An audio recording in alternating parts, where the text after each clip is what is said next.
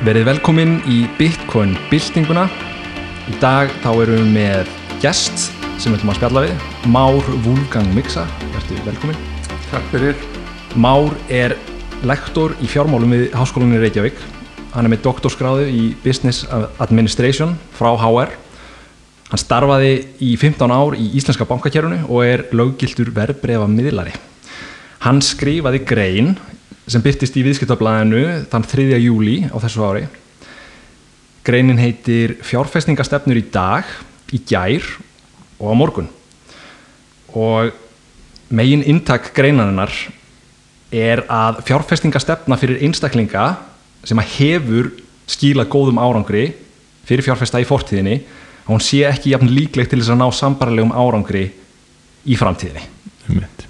Þannig að þessi stefna sem hefur verið nótuð sem svona leiðbynning eða leiðbynandi tól fyrir einstaklinga til að fjárfesta í mismunandi eignaflokkum eftir ákveðnu hlutvalli með góðum árangri en að í dag þá séu bara breytir tímar og að þörf sé á að einstaklingar breyti hlutvalli fjárfestinga sinna eftir eignum til að ná sambarlegum árangri í dag.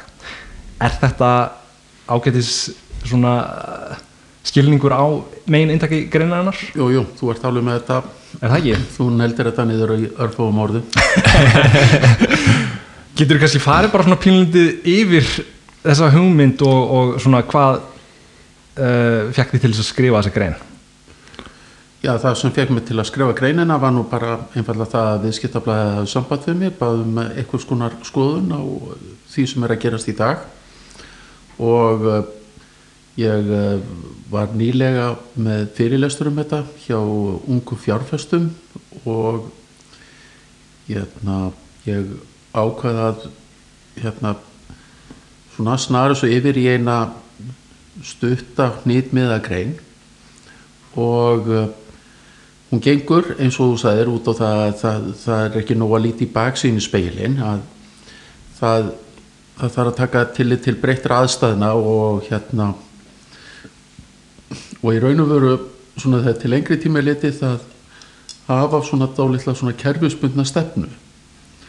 Og stefnan svona þessi gamla stefna hefur hefur að mestu leiti verið svo að fólk sé með um 60% í hlutabrefum 40% í skuldabrefum Einmitt. og þetta hefur reynst vel í fortíðinni upp á svona upp á sveiflur að gera og annað slíkt og þegar að það, er kannski að skilgreina þetta aðeins nánar þegar verið að tala um skuldabref þá er almennt verið að tala um langtímabref og uh, og það, því má skilgreina slíkar fjárfestingar sem langtíma fjárfestingar og hlutabref eru bara eins og flesti sem er að hlusta hún að þátt að vita á skilgreina sem langtíma fjárfesting ekki skamtíma fjárfesting.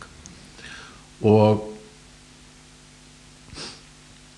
það sem að ég svona er að segja í þessari grein er að, er að fólk til þess að ná betra ávöxtun þá í staðan fyrir að vera með í staðan fyrir að vera með 40, 60% í hlutabrifum þá ætti að að mínum að þetta hækka það hlutfall upp í 70% var kannski 20% í skuldabrefum og skuldabrefum og hérna skuldabrefum og um, reyðu fyrir það er að segja skamtíma fjárfestingar á okkar gamla ílhýra máli kannski eitthvað sem að líkist vikslum eitthvað stvíum líkt. Og síðan 10% í meira svona sem skilgreina má sem áhættu fjárfestingar mm. og síðan kem ég aðeins inn á til dæmis með Bitcoin og ég hef áökjur að því hversu margir er að setja stóra hluta af sínu fjárfestingum í Bitcoin Mm. og bendi meðal annars á í þessari grein svona það er ákveðnar hættur með Bitcoin og þetta eru hættur sem að væntalega þessi hlustættahópur veit að, veit alveg upp á tíu og en mínar áökjur eru að það er stór hluti fólk sem er farin að eldast við Bitcoin og setja stóra hluta fjárfestinga í Bitcoin sem að er hérna sem er svona, má segja þetta sé alveg óplægður akur. Það var öruglega miklu möguleika fyrir hendi en mikla hættu líka. Og og, og þetta á ekki reynda bara við Bitcoin, þetta á við um þetta er svona svona það tala um FOMO Fear Akkurat. of Missing Out. einmitt, við getum svo geta saman bara í vilja hérna að, að það eru svona það, er, það eru svona ímsar að því að hlutabref og bæði hlutabref og bitcoin hafa hækkað mikið í virði að þá eru þá ég hef því að það eru margir farnir að, að svona við eldast við ekki, ekki, ekki eldast við virði heldur verð hækkunum Einmitt. Og, og auk þess þá er uh, og, og, og eitt svona þessu tviðbótar kemur ekki fram í greininni er að Robin Hood er ég játa það alveg ég, ég hef aldrei sjálfur veslað með Robin Hood en ég hef kynnt með Robin Hood appið ágætlega og uh, í gegnum greinaskrifum vel að merkja. Og þar er þar er til dæmis þar, er, þar eru síndar mestu sveiflur dagsins áður. Og þá gildir einu hvort að verbreyf fari upp eða niður. Og verbreyf sem fara upp þá fær fólk tilfinningu herðu hér er eitthvað í gangi ég verða þetta er less sem ég verða að fara hérna, stökku upp á. Og hérna og síðan að því þeir eru með bæði negatívar og, hérna, og jákvæðar tölur að þá getur þú bara í sama pakka eftir líka með þau verbreyð sem að lækka.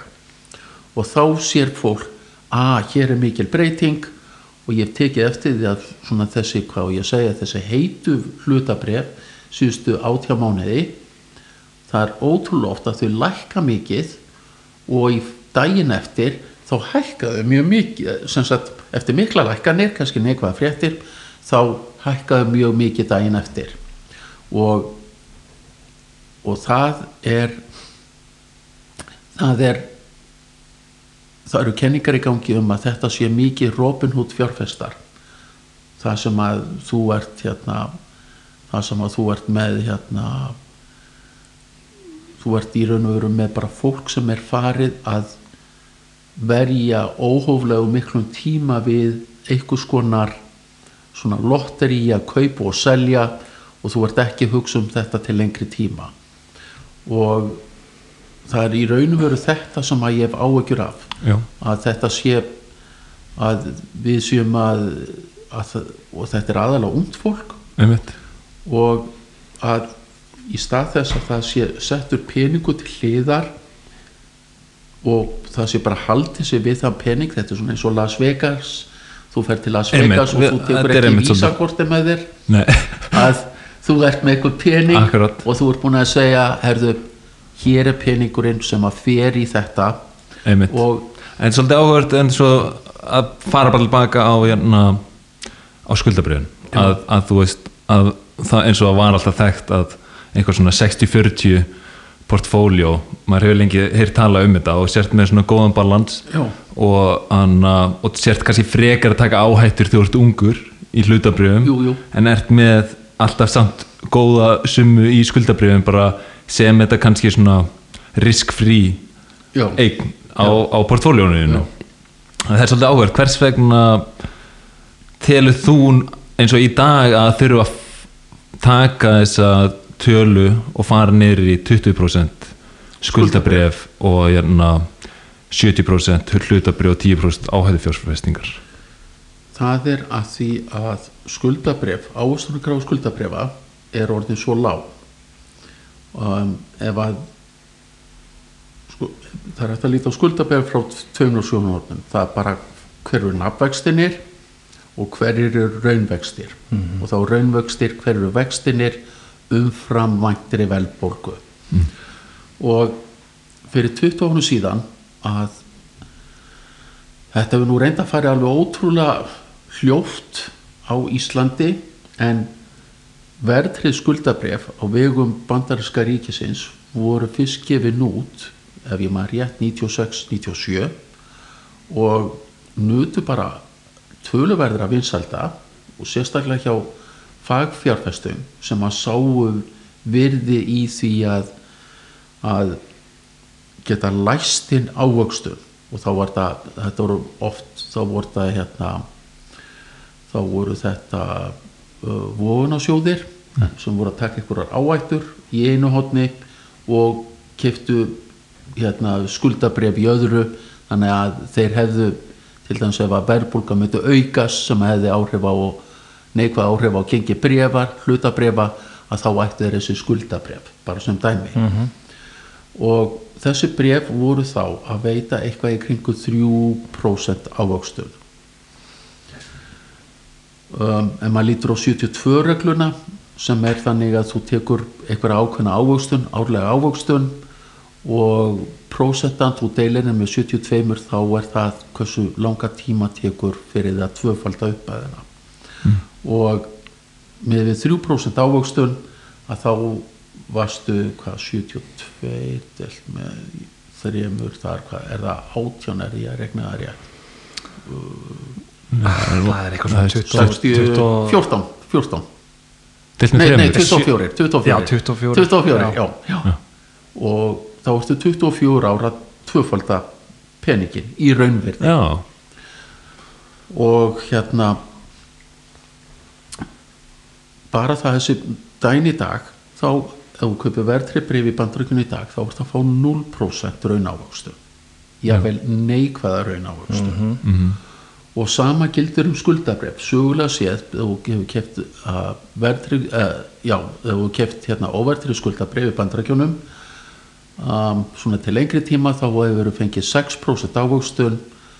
Verðbólga hefur verið að jafna verið í kringu 3% þannig að þú hefur verið að fá í kringu 3% raunávöxtun daginn í dag þá ert að fá 2% ávöxtun á skuldabrefum verðbólga er reyndar núna meira þess að tölvert herri en 2% hvort að það verðbólgu skot er það þá verðbólga eða svona verðbólgu uh, tölur sem eru gefnar út frá Sælabankunum já, Já, það er komin upp í hvað, er ekki komin upp í 5% það er eitthvað eða? komið í 5% Já, samkant þess að teim, já, já, Sá, og þessi karfa eins og það sem Sælabankin er að miða verðbólgun út frá Já. hún er breytilega ekki satt? Jú, það er, sko, það er reyndar ekki sæðlabanki, það er hérna, hjá Ís, á Íslandi er það hagstofan, þannig að ég myndi að hal- halda, ég hef nú aldrei hugsað út í það, en ég myndi halda að það sé eitthvað sambærileg stofnun í bandarækjunum, þessi karfi er alveg, hún er, hún er sífellt að breytast og það er allskins, um, það er allskins hérna sjónamið í gangi hversu áræðileg hún er, svo sem, en Við getum pínlítið farið inn á það að því að nú bara við fyrum aðeins yfir í Bitcoin Já. heiminn skilur við sem er búið að vera núna fyrirbæri sem er til í, í 12-13 ár Já. og hefur aðalega verið keirið upp af einstaklingum, retail Já. investors Já. en nú gerist það eftir COVID, sérstaklega eftir COVID Já. Þegar að seðlabankar heimsins byrja að prenta át peninga Já. og sagt, M2 money supplyið í heiminum bara í hvaða hagkerri sem er er að 2-3 faldast þá eru fagfjárfestar að koma inn og hetsa í raun og veru eigna, eigni sínar og kaupa bitcoin. Af því að þar er engin auka framleiðsli gangi. Sagt þar er takmarka magn Já, þeir til eru- staðar. það er takmarka magt til stað þannig að þeir eru að nota þetta einmitt Já. sem bara svona uh, sitt skilur við einmitt. En þeir hafa verið að koma fram og útskýra af hverju þeir eru að gera þetta og þá eru þeir að benda á að þessar verðbólgu tölur sem er að koma frá þessum stopnunum sem að gefa þær út já, séu bara alls ekki áraðanlegar að þær séu ekki að mæla um, hluti sem að eru að hækka í verði, þetta séu raun og veru bara svona handahófstjendar arbitrary hérna uh, vörur og, og þjónustu sem þeir eru að taka þarna inn. Og bara eitt dæmi um það, ég var aðeins að kynna mér þetta. Þeir eru til dæmis ekki með húsnæðisverð inni í CPI tölunni sinni heldur eru með einhvað sem heitir hérna uh, hvað er það, renters equivalent eitthvað svona owners equivalent rent hefur þú heyrt um, um þetta já, já. þetta er basically þá, þá, þá taka þér könnun á eigendum uh, fastegna og spurja þá ef að þú ættir að lána fastegninu þína út til þín sjálfs hvað myndir þú byggja þig um í leigu þannig að þú ert að byggja eigendan basically um að segja hvað hann myndi rukka sjálfan sig um leigu Já. þannig að þú ert alltaf með rosalega þægilega hækkanir þarna uppi Já. og sem að eru bara alls ekki að, að mæla neitt sem að tengist raunveruleikanum. Já, já, og það er hægt að ein- ein rök eru til dæmis að þegar bensínverð hækkar að þá fer það beint út í verðbólgu en þá hefur verið bent á það að það oftast minnskust í bandarækjunum þegar bensínverð hækkar þá mingar bensín neysla bandarækjumanna Já. þannig að það ætti að vikta á móti þá hversu mikil prósenta viktast inn í þetta. Og þannig að þetta er og það, það er eins og ég segi það er alltaf verið að deila um áræðanleika verðbólgu hver er verðbólga og já, já, já. en bara, já, til já. Að, bara til að bæta inn í þessi tala sem að þetta, þetta owners equivalent rent þetta, þetta væ, vægi þeirra tölu er 23% sem er bara töluvert sko það, það, það er er svona svipað á Íslandi að húsa, húsa, húsalega hér. En hagstofan hér hún reiknar reynda líka út neysluvísutölu án húsnæðisliðar. Og það er það sem að svona að mínum mati ætti að horfa til en án húsnæðislegar án húsnæðis. Ég held að það væri mik mikið einfaldara að þetta aðskilja en þetta er svona bara mín persónulega skoðun en er þetta ekki stærsta neysluvara sem að fólk í raun og veru notar? Nú var Ásker Jónsson, sælabankastjóri í viðtali hjá, hjá hérna Auta og, og Sveppa og ég nefnir hvað heitir? Þeir eru ángreins með nýtt podcast hérna Auti, Gilsinnegar og Steindi Junior. Mm. hafið þið séð þetta? Ásker Jónsson, sælabankastjóri kom í viðtal til þeirra og þá var hann einmitt að tala um hérna, fjárfestingar og, og hérna á, á fastegnum og hann sagði sko að uh, sem sagt, fjárfestingar í fastegnum séu ekki bara svona store of value heldur séu þetta líka neysluvara. Og þetta eru þetta að stærstu leiti fyrir venjulegt fólk neysluvara. Ertu sammálið því? ég er alveg sammála því. Af því að mér, mér finnst að svona að minni bara miklu, miklu skýrar að segja hver er hver er sko neysluvísitala Mhm. og síðan hver er húsnæðsvísitala Já, já, já, já, bara í mínum aðskilja huga ég bara það, eigi þetta að vera tveir aðskildi þættir og við erum hér með til dæmis bara sem dæmi hvernig hversu mikið þetta er að breytast núna Mm. er að að þrátt fyrir að hversu, mik hversu miklu máli húsnæði skiptir á Íslandi það var ekki gert húsnæðsvísitala fyrir en ef ég maður rétt 1994 þá fyrst var húsnæðsví, kom húsnæðsvísitala fram leiguvísitala hún var ekki mælt fyrir en 2011 wow. það er bara tíu ár síðan og hérna og, og þetta er hérna það er bara þegar að þegar að það er verið að vinna í slíku málu bara hvernig þú metur leiguvísutölu fyrir, sko, til lengri tíma þá þarftu bara að nota húsnæðsvísitöluna Já. sem einhvers konar viðmið og treyst á það að hún hafi þá sveiplast í sam sveipum takti sem hún reynda gerir almennt til lengri tíma bara svo rannsóknir sína það. Ok, en, En þetta er mjög þetta er mjög uh, þetta er mjög þetta er mjög ónákvæm vísindi. En sko ég held að punkturinn svona sem að er að koma dálítið frá okkar okkar svona þessum Bitcoin heimi Já. er svo að, að verðbólga er í raun og veru miklu miklu hærri heldur en verið er að gefa í skínum heldur hún sé herri já það er það sem að hérna, fólk, sérfræðingar hafa verið að já, benda á sem að eru svona Bitcoin megin í heiminum skilur við að ekki- sé herri en 5% til þess í bandaríkjunum núna. Já og það er til dæmis hérna, það er hérna sem sagt, einn af þeim fyrstu svona fag fjárfestum sem sagt, uh, eigandi fyrirtæki sem heitir hérna, MicroStrategy hann heitir Michael Saylor þetta fyrirtæki er í S&P 500 er það ekki? Jú. alveg bara svona mjög stórt uh, svona B- B2B fyrirtæki sem að þú veist, einstaklingar þekki ekki beint sko, en það er bara svona humongous fyrirtæki og hann er að benda á þetta að eftir að COVID gerir, bara þetta er nákvæmlega sem ég var að segja á mm.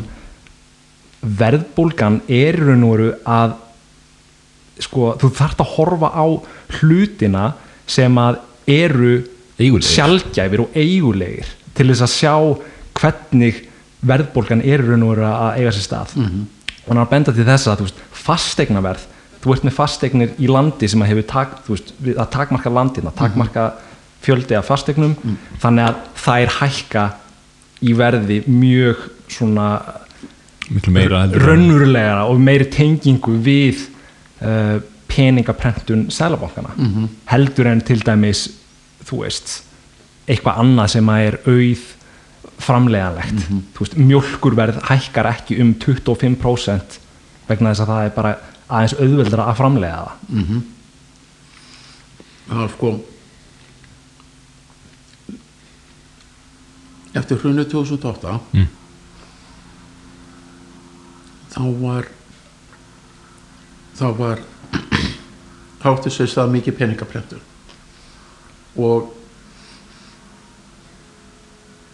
margir höfðu óttust verðbólgu. Verðbólgu kom aldrei fram að því að stór hluta af þessari peningaprentun fór í fjárfestingar. Um,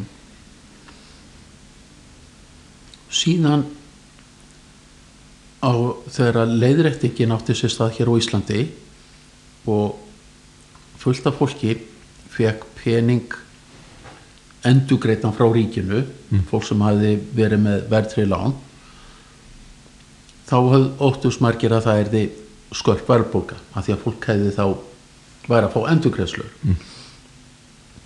en máli var að þá fóru endugreiðslunar ekki beint út í hagkerfið að því að það var fólk hefði í raun þurft að fara í banka taka nýtt lán og þannig prenta nýjan pening.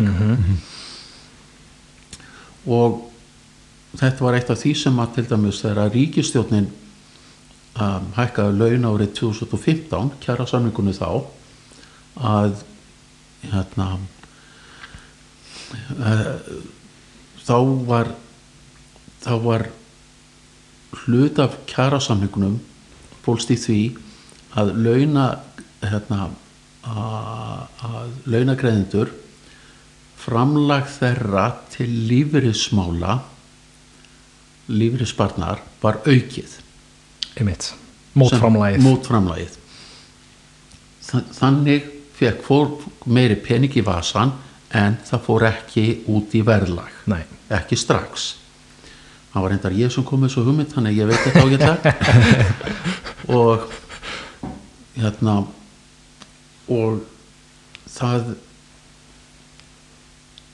og núna gerist þetta með COVID að það fer aftur pening út í hagkerfið og sumt af þessu fer út í hérna fer út í hérna verbreyðamarkað en það virðist vera að samblanda því að hafa sett bæði pening út í hagkerfið fjölda, sko, fleiri sæðlar eldastu sumu vöru og þjónustu mm og síðan í samblandi við tregðu örgjafa framleiðendur get ekki framleitt nú marga örgjafi bíla að flutningar hafa raskast þannig fram eftir göttunum -hmm. að það er þessi, þetta verðbólgu sko kemur kannski ekki alveg óvart nú og síðan hafa auðvitað, síðan hafa framleiðendur sumir séð, séð leik á borðið með þessu. Og bara sem dæmis eh, nú man ég ekki alveg nákvæma prósent en bjórin á börum í London hann hefur hækkað um eitthvað ef ég maður rétt hartnær 10% í virði. Það er sem sagt kostnaður fyrir neytenda. Þannig að það er það er þetta er svona einhvers konar sambland að verðbólga hefur er að fara aftur af stað og þá sjá fjárfestar margir hverjir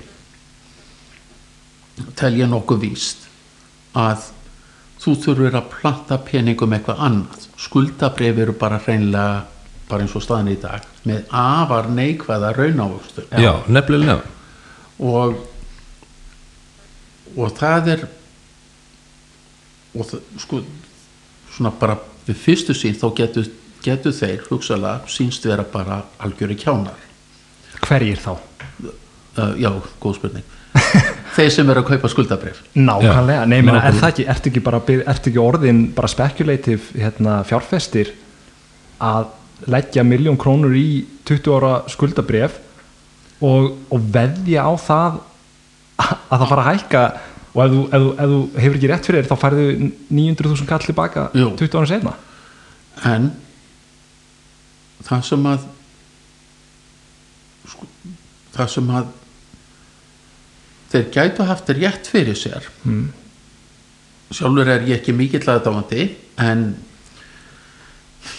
bara, ég, ég hef bara stundur rátt fyrir mér þess vegna set ég ekki öll ekki þess vegna bara rétt eins og ég er að segja fólki í guðunabænum ekki setja allt í pikkon og ávötu fjárfestingar. Einmitt. Ekki bara ég hef tröll að trú á ýmsum hlutabrifum og Einmitt. ég set samt ekki öll mín ekki í þá körfu því ég veit að stundum hef ég ránt fyrir mér og stundum hef ég kolránt fyrir mér.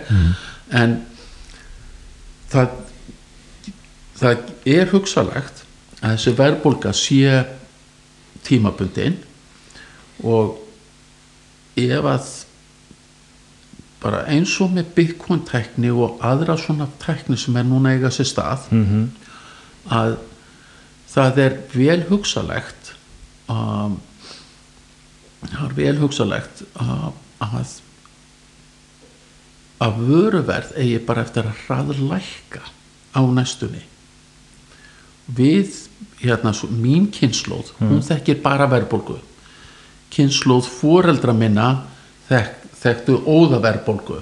Já, uh, kynnslóð sagt kynnslóðin þar á undan hún þekkti aðalega uppgang bara eftir setni heimstyröld eitthvað þýjulikt og þar á undan þá var verðbólga til til að óþekkt fyrir bæri já, og eitt af því sem að er að gerast núna er að að arðsemi fyrirtækja til dæmis í S&P 500 vísitölunni hún er að snar aukast Mhm. og dæmi eru til dæmis uh, bara eins og hérna, flutningsfyrirtæki aðfangastjórnuna fyrirtæki UPS, FedEx og þannig þessi fyrirtæki þau eru komið svo góða aðfangastjórnun þau eru með dróna þetta er allt orðið svo sjálfvirkt kerfin. Tæknin er að keira verð á bara hlutum niður. Nákvæmlega. En það er ekki búið að gerast en þá en það það, og það er að fara að íkjast en þá, þá, þá kemur hugmyndin sko að þú veist þegar þú ert með svona skuldadrefi peningakerfi sem, sem byggist eða bara upp á skuldum að, að þá, þú veist ræður það, getur það ráði við verðhjöðnun á markaði? Að þegar þú fengir verðhjöðnun á markaði myndi ekki bara myndi ekki bara kerfið defaulta í, í raun og veru þannig að þá er svona, þú veist þau fyrirtæki sem að ráð ekki við þetta þau fyrirtæki sem að ná ekki að draga úr kostnaði þau mun ekki ráða við þetta nei, já, en, en bara svona í raun og veru bara, þú veist, stjór, stjórnvöldin sjálfskilur, þú veist, bara sem er að já stjórnvöld. Þú veist, default er ekki bara allt kerfið ef það byrjar að verða verðhjönnun af því að þú veist, þetta er allt skuldadrifið þetta er já,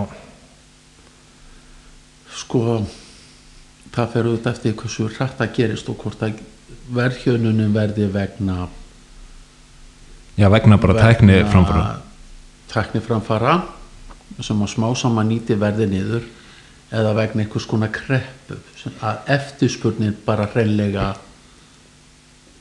verði engin. Eins og gerist í kreppinu miklu 29 til 32 3 einmitt, að þá það, það var verðhjönun að því að eftirspurnin dróð svo mikið saman. Já, og en sko hún heitir, bókin heitir The Price of Tomorrow ef ég maður já, rétt eftir Jeff Booth. Jeff Booth. við erum, Nú. ég, við erum allir báðir búin að lesa hana. Nú, er þetta gömul eldri bók sem þú ert að Nei, Price of þetta er- Tomorrow? já, já, já, já, eftir Jeff Booth. Já, já. hann sko, hafið þið lesað hana? Ég vil lesa hana, já, hann kemur með ansi góð rauk fyrir því Já. að það verði verðhjönun eftir nokkur ár og eftir nú bara helga einn þátt í það held ég Já. og hérna og það sko þetta er nú þegar að fara að gerast að því marki að fyrirtæki í bandarækjunum og stór fyrirtæki þau hafa sko kostnaðarliðin hefur dreigið saman en verðin hafa ekki farið niður þannig að, að þannig að arsemin að rekstrinum er gríðarlega há núna og uh, það er bara hérna ég kenni nú sko virðismat í HR og eitt af því það sem að við erum að skoða þar þetta, þetta heitir valuation sem að er hérna í raun og veru að verðmæta fyrirtæki. En ég segi stundum í gríni við nefndum mín að ég mynd, það, ég myndi vilja geta endurskýrt kursi sem evaluation til að verð sko að meta virði sköpun og hérna og þar er vera meðal annars að líta á tækifæri í að hvernig fyrirtæki eru að horfa á hvar mesta virði fæst út úr fjárfestingum og hérna og, hérna, og bara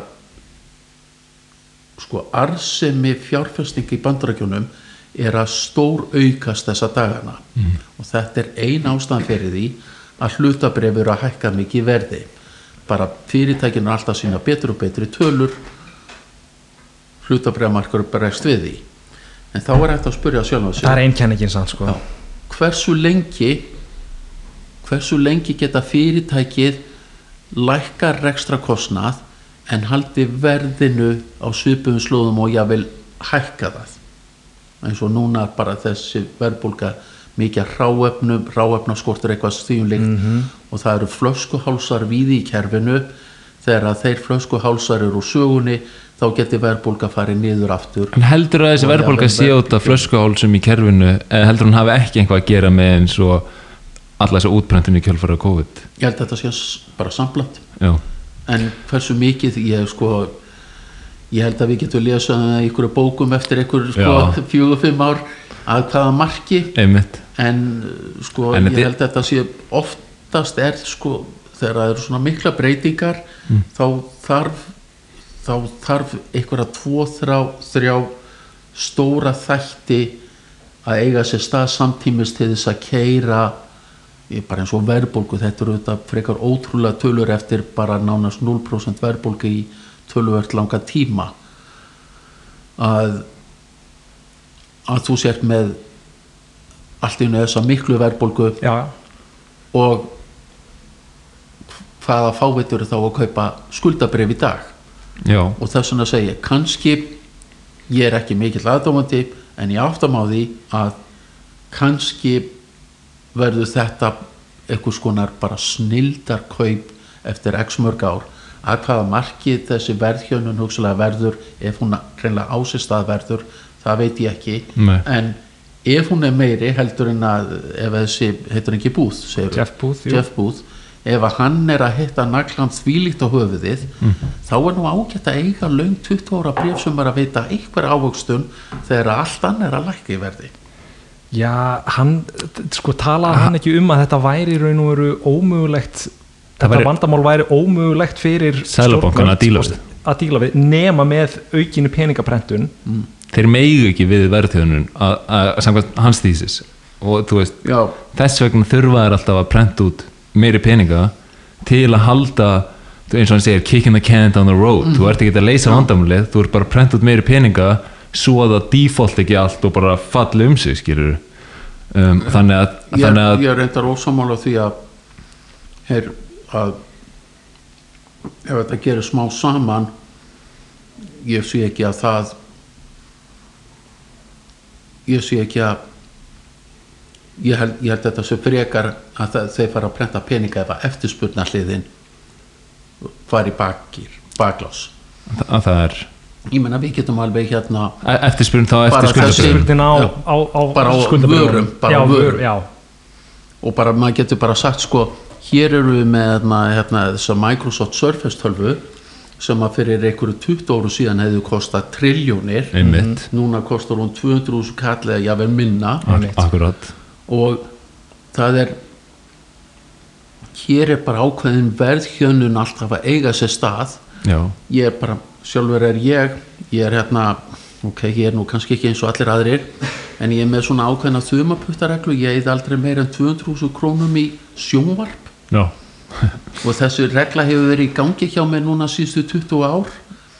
Það segir sér nokkuð sjálft að ég á meðan að launum mín hafa hækkað þá hefur, hefur er minn hugsun hvað, hversu mikið ég eigi í, sjón, í sjónvarp. Einmitt.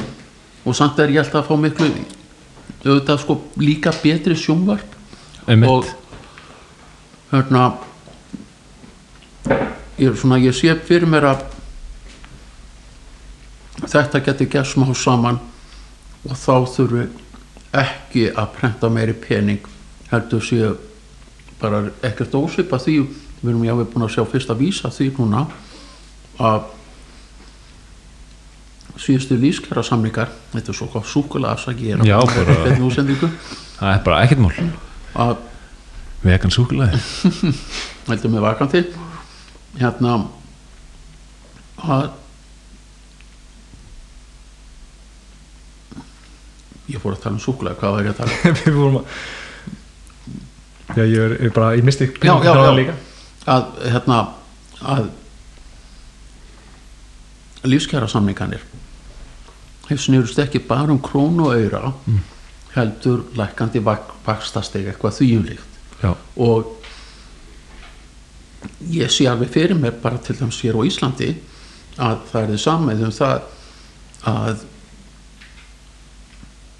laun standi í stað og laun standi í stað svo lengi sem að verbulga stoppi. Stoppi já, og ef að verbulga ef að bara kostnaður fer niður þá er það í raun og veru hvað maður að segja það er, þá er það í raun hérna launa að kjara bótin fælst þá í því að það sem við erum að en kaupa okkur sér kringum á okkur. öllu að einhvern veginn að það er engin, engin, engin stefna hjá nefnir stjórnvöldum að hætta prenta út pening og maður sér svona eins og í bandarækjum núna þú veist, við tölum um þú veist, mjög mikil peningaprentin 2008 Mm. það var ekki nema 800 biljónir COVID útbrentunin var einhvað um 2 triljónir þeir eru að tala um nýtt núna upp á, upp á ennþá fleiri triljónir og mann finnst þessi, þessa tölu bara að fara síhækkandi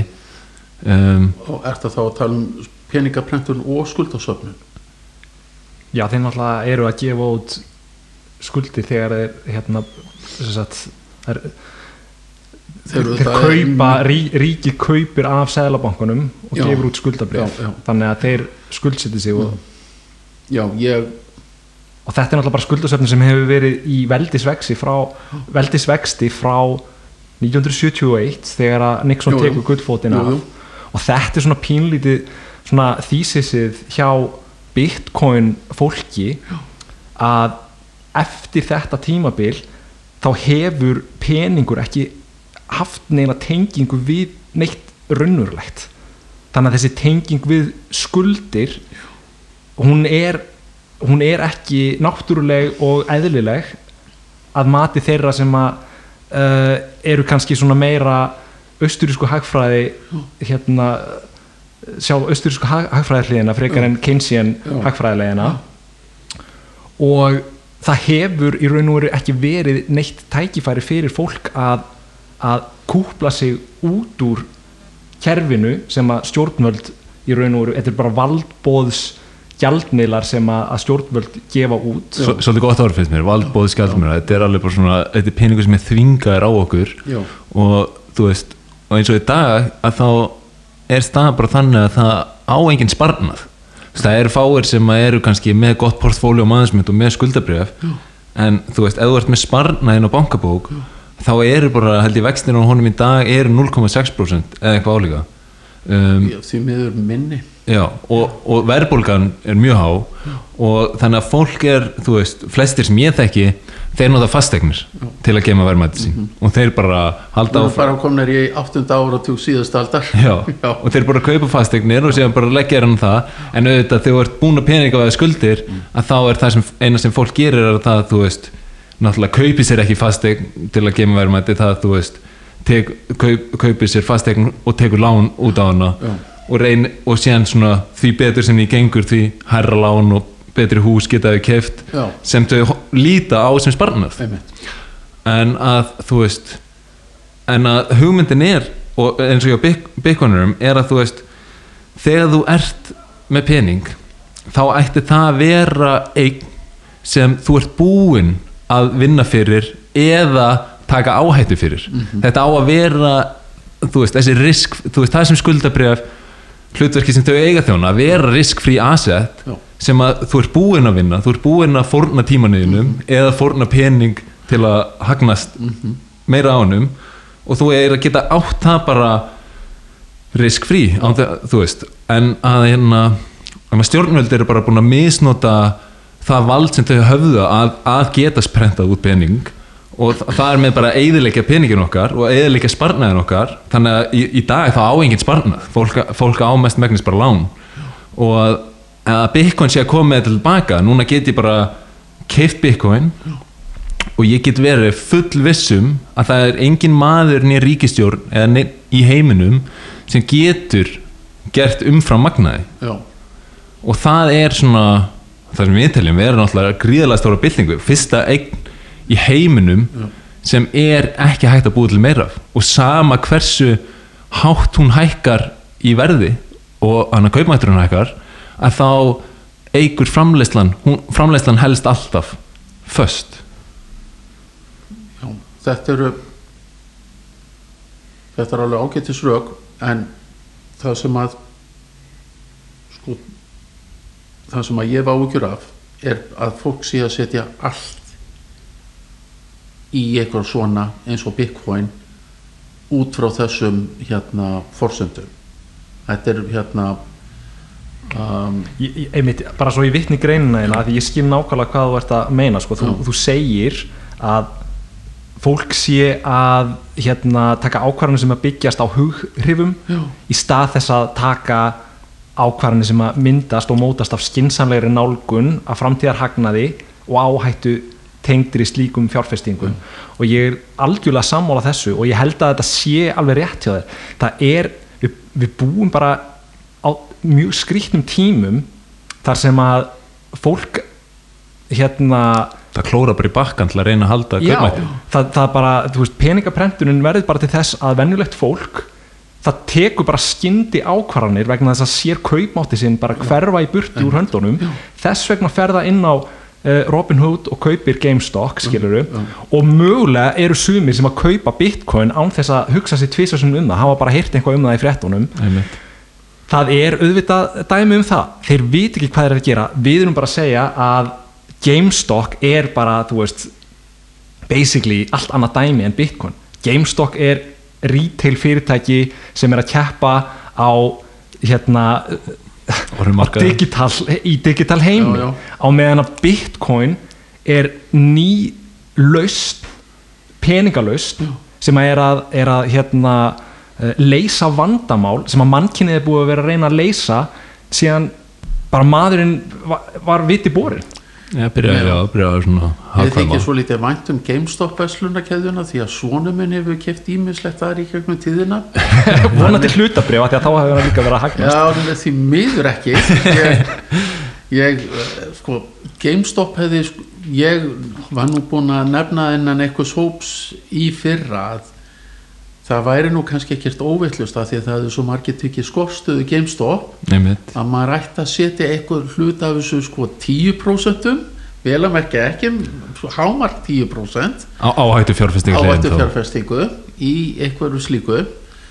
Og hérna og en það sem ert að segja sko, varðandi byggun og þess vegna Mhm. mm að það sé gott að það sé þið séu með þessa pod, podcasta hér og fara djúpt í málin því að mín reynsla er svo að fólk veit almennt lítið um peningar. Og hérna og allskins rannsóknir sína að fólk veit almennt tölvert minna vanandi fjármál en það heldur. Og hérna ég, ég vona ég sé ekki að setja maður eitthvað allt á háan hest með að segja þetta en hérna ég veit að ef starfa við þetta í, já, lengur heldur en ég kannski vil koma á framfæri hér sérstaklega. Við erum búin að lesa fyrirskrána já, já. Og hérna en þegar að fólk hefur verið að tala við með Bitcoin þá hef ég spurt segðu mér út á hvað gengur Bitcoin? Og lang flestir hafa sagt já ég veit ekki hvað þetta er en þetta er eitthvað spennandi. Og ég tel að ef að fólk sé að sko já, mín reynslega svo að þegar að fólk er að fjárfest í einhverju sem að því finnst vera spennandi og það er eiginlega eina lýsingur orðið sem er til staðar þá er hægt að handan hósins og kannski ekki alveg bara í, á morgun eða hinn en þetta sé eitthvað sem að gangi nú líklegast ekki upp. Og Ég, Ég al, ég skil hvað meinar, ég er ekki alveg sammála því sann sko. þú veist, ef þú ert með eitthvað spennandi mm, þá þýra bara að þú veist að þetta er spennandi en þú hefur engar upplýsing þú hef- veist ekkert um fundamental hérna kerfi sem að þú, þú, hvort sem að sé hlutabref Bitcoin eða whatever. En já, að segja að það sé venjulega eitthvað sem að f- fer suður skilur það er ekki veist, við, bú, veistu, við búum eins og- sko 21. öldin Já, 21. öldin hún er bara, við getum séð bara hvað hefur gerst hérna þú ert með Google, Já. þú ert með YouTube Já. þú ert með Facebook YouTube er enda hlut af Google já en þú veist við erum með Já. þessar þjónustur sem að hafa gjörbilt já, basically sínum yðnaði og þetta er allt tengt þessu sem að Jeff Booth er að segja í Price of Tomorrow. Þú ert að taka einhvers konar þjónustu eða vöru og þú ert að niður njörfana í eitthvað sem þú getur gert á stafranan máta þar sem það kostar basically ekkert og veitir betri þjónustu fyrir vikið. Já Og- ég og- er ekkert þó samanlega þessu. En Bitcoin er basically er að þegar fyrir 20 áru síðan þá var svo svakalega mikið að spennandi tækifærum. Mm og bara mín reynsla var svo að það var fullt af fólki að fjárfesta í allski spennandi hlutum. Það voru settur upp sérsjóðir sem að fjárfestu kannski 20 fyrirtækjum. Og sagan var oftast þessi tvöð að þrjú af þessu fyrirtækjum hljótað slá í gegn. Mm. og almennt var sagan svo að ekkert er að sló í gegn. Og ef að þú ert að le- leita einhverju spennandi tækjafæri Mhm. þá það eru tvær spurningar sem að og það hefur svo- sem reyns mér ágætlega því að ég hef alveg sko, ég hef alveg tekið þátt í áættur ég hef tapað peningum og ég hef og síðan hefur mig gengið vel og fyrsta spurning er verður þetta fyrirtæki líklegast til eftir 20 ár og ef þú heldur já, ég er nokkuð vissu það að þá bara, þetta er bara tengt bara porteraðferðin í markasfræði verður þetta fyrirtæki leiðandi.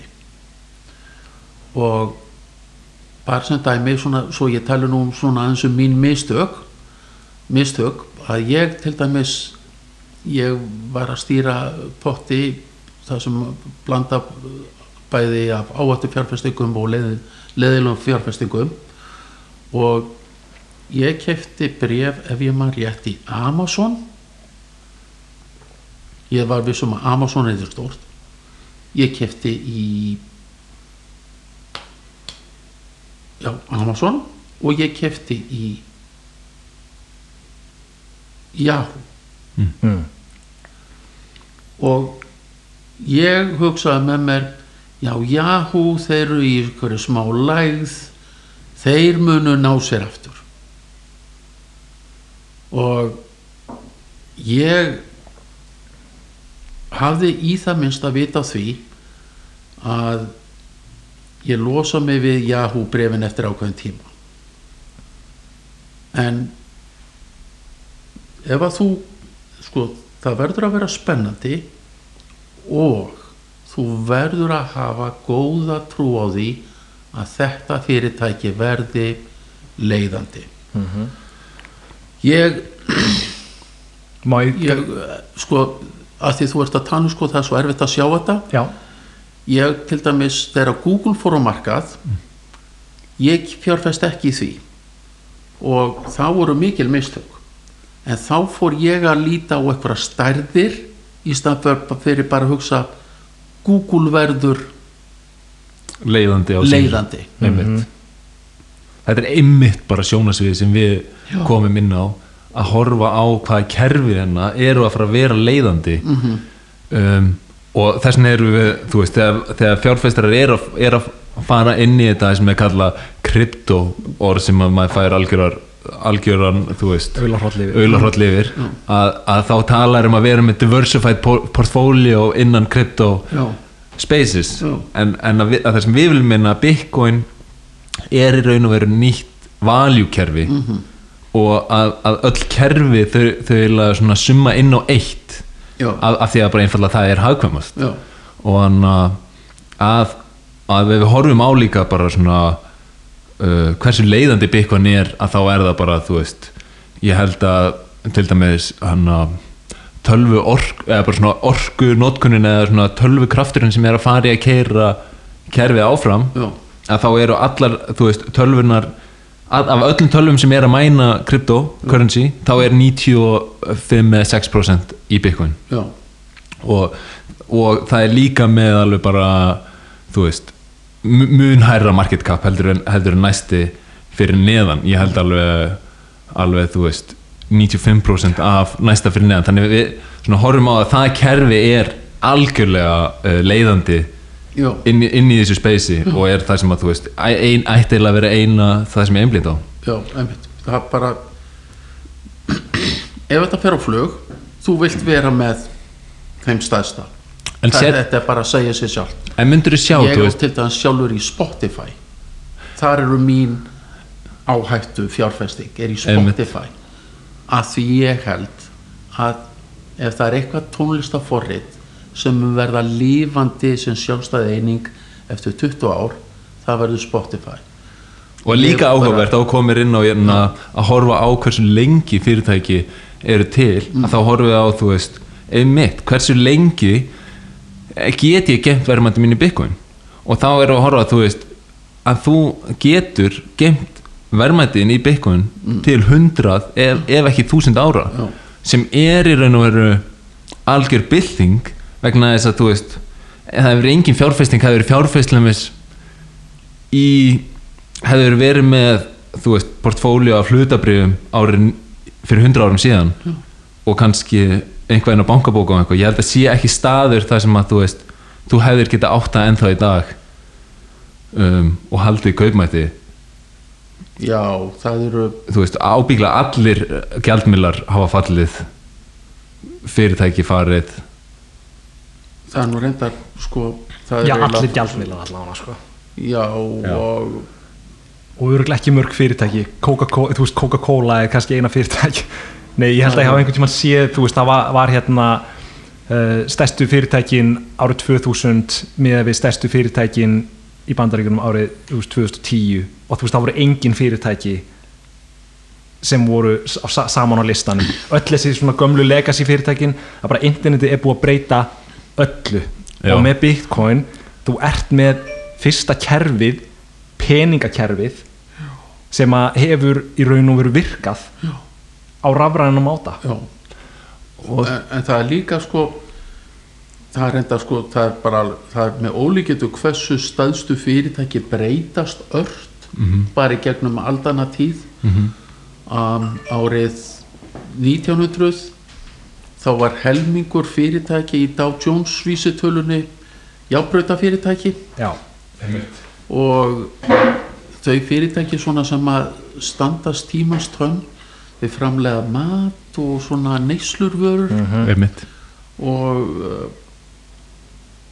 og þess vegna þar, þess vegna það er, það oft freistandi að kaupa ódýr fyrirtæki sem eru að draga saman. Þannig þetta er svona spurning hvar get ég gemt peningi minn? Já, og þannig ég veit að ég get komist aftur í hann eftir 100 ár. Já, og það er, þegar maður hugsa út í það þá eru, þú veist, skuldabref þau eru ekki það riskfrí.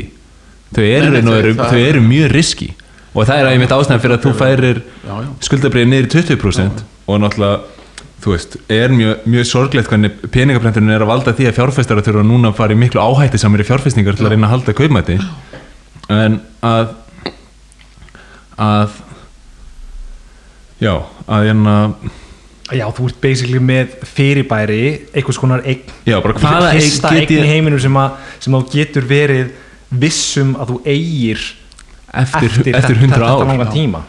Og það er alveg, það er nefnilega svolítið magna og, og, og finna að við skulle koma inn á. Þess vegna sko, þetta er kannski ágættis rauk líka fyrir því að, að hérna, ég, ég nefna þetta ekki í greininni.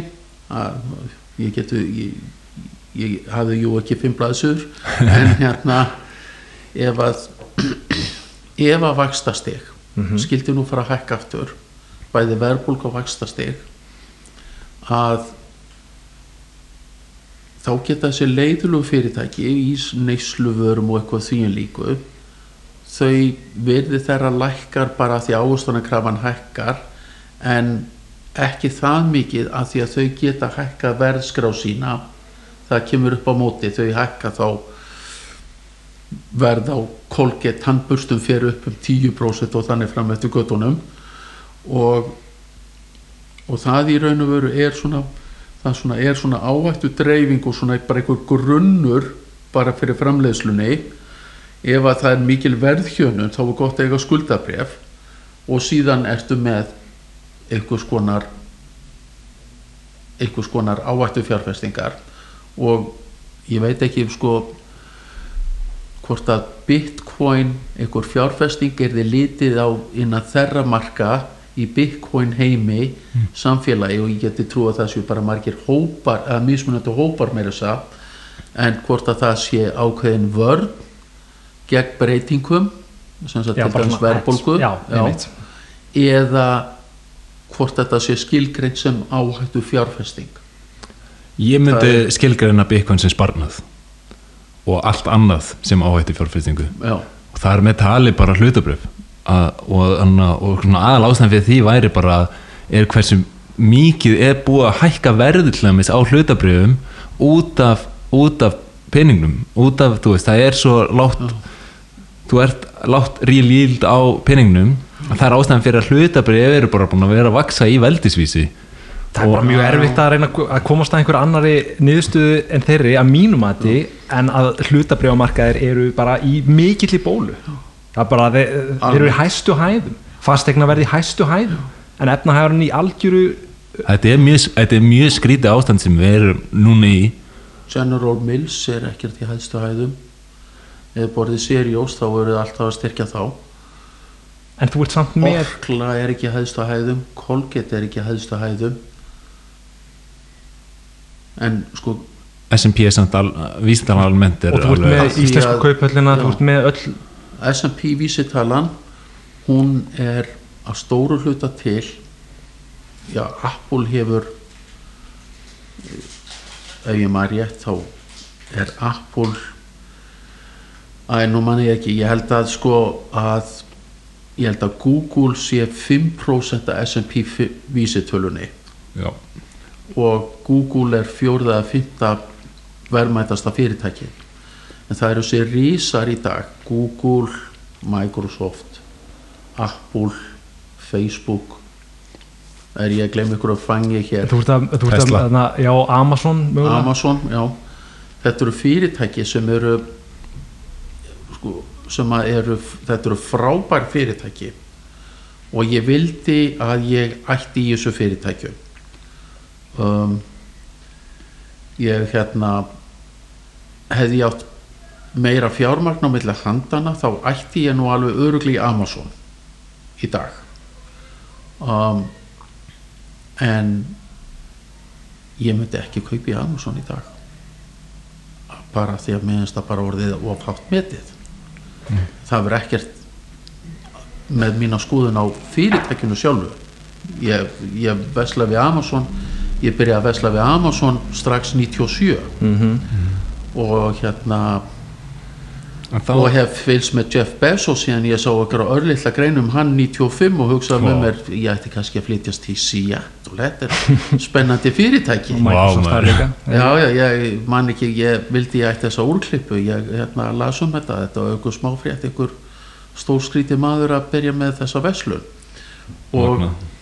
hérna en sko þessi fyrirtæki eru afskapla dýr Mhm. En síðan eru sum sko, sko það er ekki þau eru að draga þessa vísutölu til áfram. Og ef að þú lítur svona dálít á sögu verbreyðamarkaða það er alveg ótrúlega lítil prósenta af fyrirtækjum sem hafa leitt þessi fyrirtæki áfram.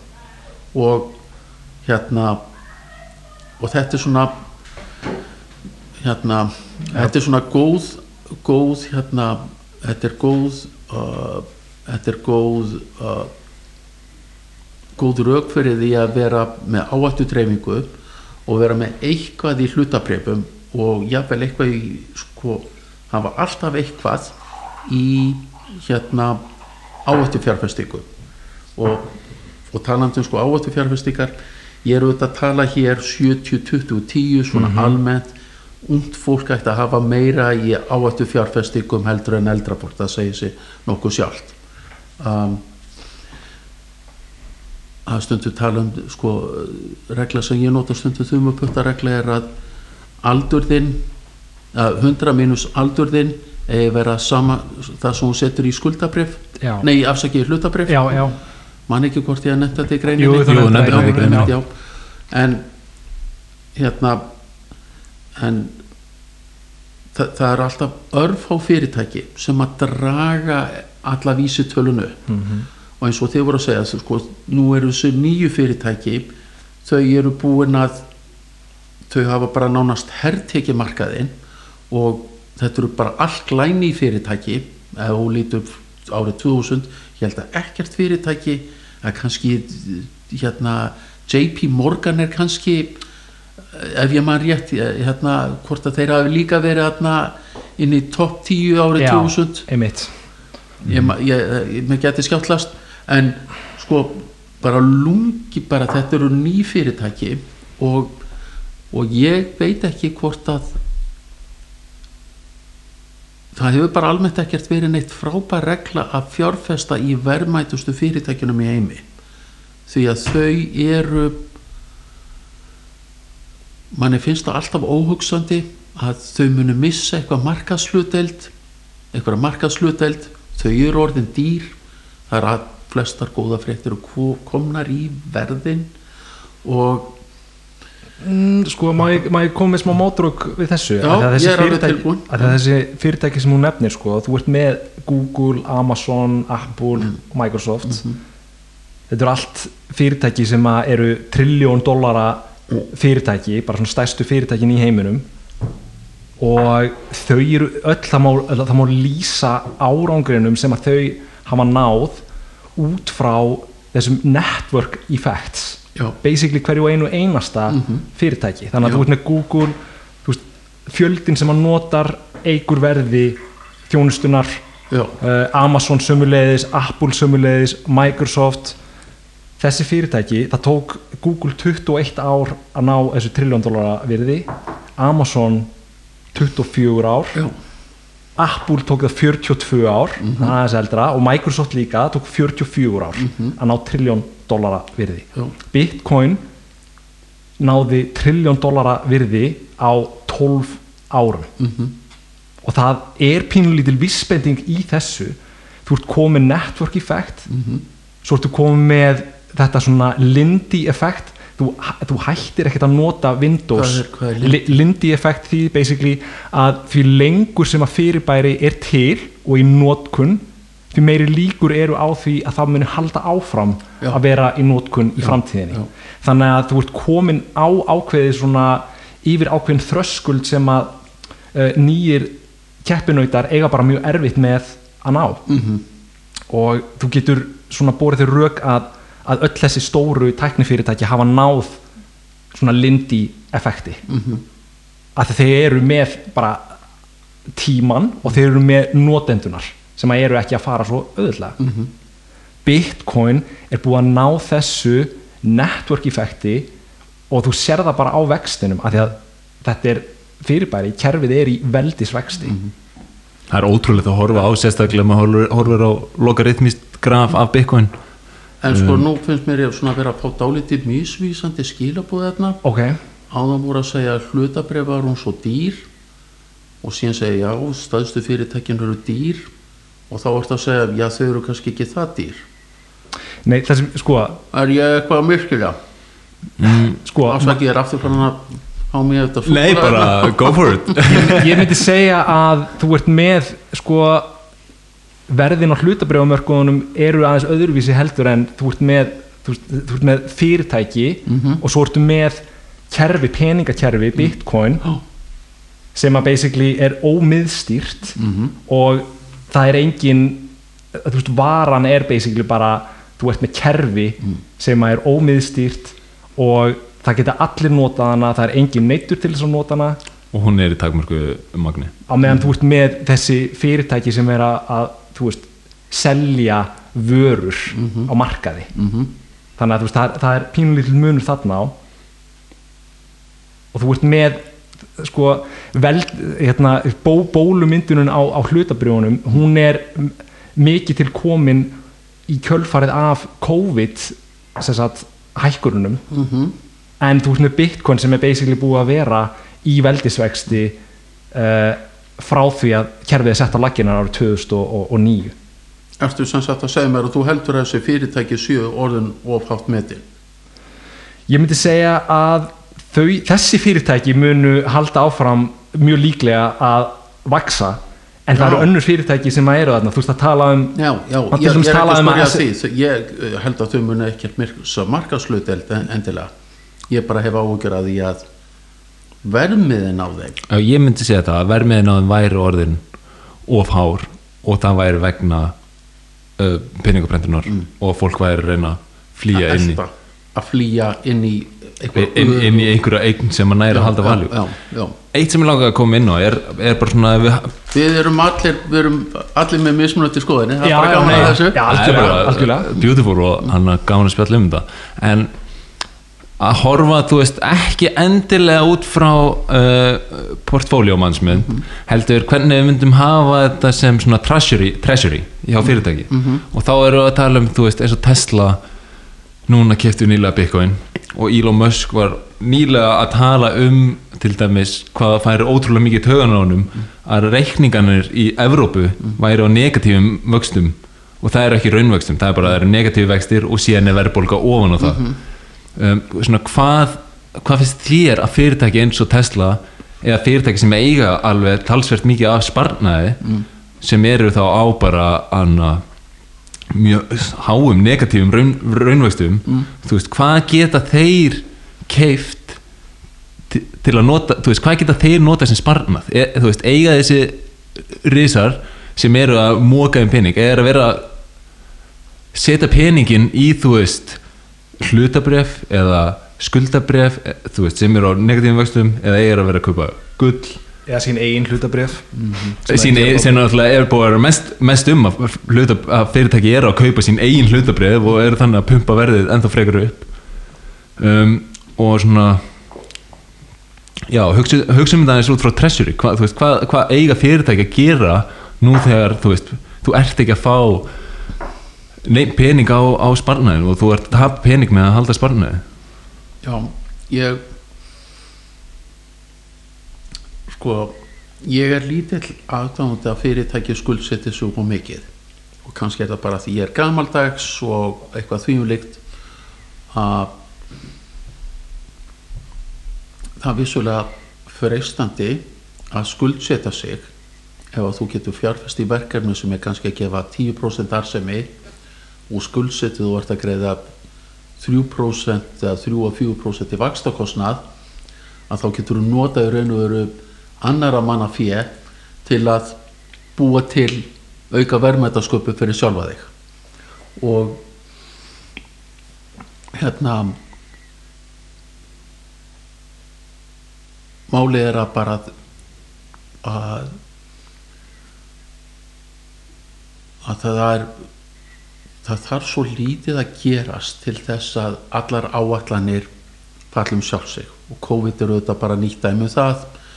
Um, í matvæleiðinaðinum hvernig var það, var það 2001 eða 2002 þegar að þegar að fólk að, fór að degja út um gjörvallan heim, borðandi eitthvað hambúrgara eitthvað, hérna, það var eitthvað hérna veiki.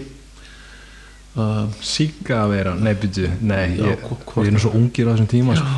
Já, en hérna, já, já, einmitt hérna, Hvernig, var þetta? 2001 Var þetta Mad Cow Mad, Cow Já, Disease já, já, og svona Black Swan event sem eru bara ófyrirsjánlegir þeir geta bara komið geta og riðlað öllu. og riðla öllu og hérna þess vegna svona er, er ég svona, já, ég er lítill aðdánda fyrirtæki séu með mikla skuldsetningu þau fyrirtæki sem eru með litla skuldsetningu já, kannski lítið hægt að segja en þau eru þá ekki með auka pening en sín eru þetta eins og þú ert að nefna það eru fyrirtæki sem að sitja á alveg gomma peningum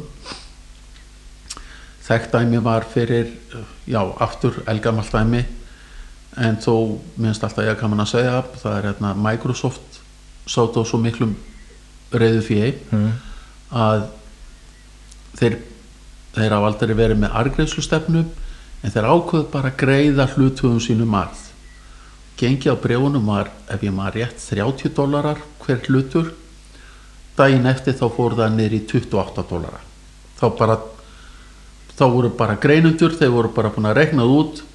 Þetta eru bara 2 dólarar á hlut sem að láin á bankabók og þetta fer bara út úr gluggan bara til fjárfesta og það var bara búið að rekna þetta bara niður bara gengið mér bara að lækka um 2 dólar sem nefnir 2 dólar Bölæði í, í raunheimum er bara svona venjulegur dagur í bitcoinheimum sko þá, þá erum við með hérna þá erum við með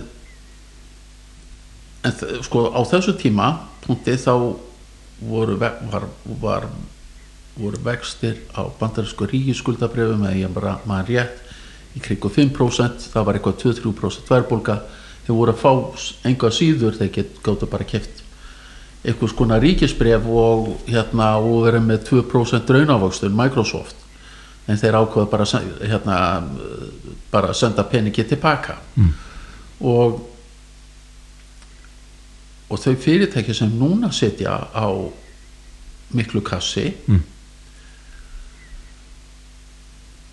Já ég held að þetta sé bara einn skýring á því að þessi stóru fyrirtæki eru að kaupa mikið af minni fyrirtækjum Mm. að þau eru þau sjá að þau eru ekki að fá neittin á bankabók mm -hmm. og þess vegna sé ágætt að bara finna fyrirtæki Mm. sem að geta annarkvort sjálfstætt skapa verði fyrir hvern hundrakall sem hún leggur í fyrirtækið innan einhvers ákveðins tíma þá vart að fá tilbaka þrjá, fjóra dollara árlega og já, auðvitað vonandi meira Mhm. af þessari fjárfestingu Já, uh, þetta segir sér dálítið sjálf held ég mm. og og og þess, þessi sko þetta í raun og veru sko ég meina hugmyndi bara með því að lækka og hækka vexti gengur þessi, þessi svona síkilda kenning er að þú lækkar vaxtastig að þá fer fólk að eða meiri pening hefur minna á að setja peningin á bók og fyrirtæki geta tekið fengið fl- fleiri bankalón og þannig fram eftir göttunum þetta er raun og veru bara að gerast bara í klassíska kenningin í öðru veldi. Algjörlega en að þá í snað fyrir að bara sitja á pening eh, horfa á peningin á bankabók að þá verður að fara Það er svona þvingaður eiginlega í að eðunum eigðunum í eitthvað. Og, og eins og Stefán sagði áðan sko bara þá er bara, þetta er góð ástæð fyrir að sum fyrirtæki eru að fara út í endurkaup. Meira þess að fyrirtæki sem að greiða jafnaði arð að ef að þau finn ekki fjárfestingatækifæri þá notaður eitthvað skonar eitthvað hluta þessu umfram eigi fjö og kaupa eigin bref að markaði Mhm. og hérna og uh, ég svona ég er nú bara talandi um íslenska markaði sko, ég, ég myndi nú velja sjá að fyrirtæki hér, nú er íslensku verðbræðamarkaður búin að vera það lengi í gangi að ég svona ég kalla eftir því að fyrirtæki hér fari að koma fram með skýrar og jafnæra argriðsustefnu Mm. og hérna og hérna leggi minni áherslu á endurkaup eigin brefa en þau hafa kannski haft líka hérna, þau hafa reyndar haft sko góð rauk gegn mínum áskorunum. Hef, hafa verið þau að íslensk hlutabref hafa verið tiltölu af ódýrt verðlögð Þau hafa verið það. síðustu ár. Íslendingar hafa verið svona reluctant við að fjárfæst kannski í hlutabröfum eftir 2008 já, íslenskur almenningur um það byrj 5% íslenska almennings átti í hlutabrefum ég er dálítið með þetta á hreinu þess að tölu því ég leiðbetti núna tvær ríkjarninnilega varðandi þáttöku Íslendinga ég held að það hafi verið 5% fram á árinu 2018 5% Íslendinga átti í beina hluti í hlutabrefum og það þessi litla eftirspur gerði að verkum að það voru nánast bara lífyrirsjóði sem voru á fjárfesti í þessu hlutabrefum og voru á sama tíma að auka auka hérna auka fjárfestningar á ælendri gröndu Mhm. þannig að íslensk hlutabref voru mjög já kannski ekki mjög þau voru alls ekki þau voru alls ekki dýr. Nei, þau voru tiltölu ódýr. Mm. og uh, og bara sem dæmi að þá var hérna innra verði Arjónbanka Arjónbankin hefur auðvitað hækkað æmintýralega undanfarið en innra verði Arjónbanka var í sem sagt markasverði á móti eigifé var í kringum ég maður rétt 0,7 eitthvað þvíjulíkt wow. þannig að fyrir hverja krónu sem Arjónbanki átti sem eign þá var markarinn að meta þá krónu á 70 öyra Já. og og uh, og bara núna þegar að fólk það er nú bara ein bók sem ég las fyrir einhverju síðan að ef, ef ég segja bara á, ens, á íslensku sko eða eitth- eitthvað sem að hérna sem að Joe Smo þól er ekki þá er það 2% sem sagt 2% ávöxtun á einstæðu og þá fer fólk út í að fjárfesta ta- verða meira svona áættu gladra Mm og ég, svona, ég tel það að vera nokkuð einsýnt að almenningu fari núna að fjárfesta meira á Íslandi og það er kannski af því, einn af þeim röku sem ég held að væri gott fyrir fólk að svona geta séð á lítið svart og hvítu hver argriðslu stefna sé að þú getur þá bara segjum sér svo að þú kaupir bref í fastegnafélaginu EIG sem að þanga til nýlega hver bref kostaði 10 krónur og gæst séð, já, EIG með við svona eðlilegan svona e- eðlilega arðsemi svona áallanir stjórnenda að þá mun EIG greiða að jafnaði 40 auðra að 0,4 krónur fyrir hver bref í arð. Og þá gæt bara bara fólk metið hver er ávættan ég er að fá hér 4% ávöxtun og ef að þeir er að kannski ef það er helmingurinn hagnað sem að fer í arð að þá er helmingurinn endur fjárfestur í ný verkefni þannig ég þá fá 4 krónur að 4% Mm. af þessu pluss vonandi aukna arðsemi af þessum endur fjárfestingum þá er svona frekar auðveldara að ímynda sér bara sko vænt greiðsluflæði framtíðirinnar í staðin fyrir að vera með hugsa já þeir endur fjárfesta og þá er gengið eftir svo x mörg ár komið úr 10 í 20 eitthvað þvíum líkt og fara þá að gera einn í tíunda veldis útreikninga með að lágastun og þannig fram eftir göttunum Já. að þú sért þá komið með svona já, geti svona frekar auðveldlega í kollunum bara gert þetta og hérna og ég er ekkert alltaf stoltur til að viðkynna mér finnst þetta bara mjög þægilegt sjálfur að geta sé þetta í staðan fyrir að þurfa að fara að ímynda mér eitthvað arðsemi og þá óvissu sem að slíkum endur fjárfestingu fylgir. Já, en maður svona spáir í því bara svona hvert, þú veist, bæði fólk og fyrirtæki geta leita með sparnað af því að þú veist þú, það virðist sem að þér er refsað fyrir að spara en meðan þetta er, þú veist. Og hinu full, í hinu fullkomna heimi þá ættu að því að Já. það sem ert að benda á fólk er að taka ákvarðanir bara í einhverju skyndi Já, rugliskilur já, sem já. þekk ekki. Í hinu fullkomna heimi ætti auðvitað venjulur einstaklingur sem er í vinnu frá 8 til 4 hann hefur ekki tíma til að kynna sér málin, hann á Einmitt. bara að leggja peningi sinn inn á sparnaðareikning og hagnast á því er það ekki svona í hinu fullkomna heimi ætti, ætti heimil ekki að vera þannig? þú veist, hvernig, er, hvernig lítur þú allir með gull, þú veist, er það bara svona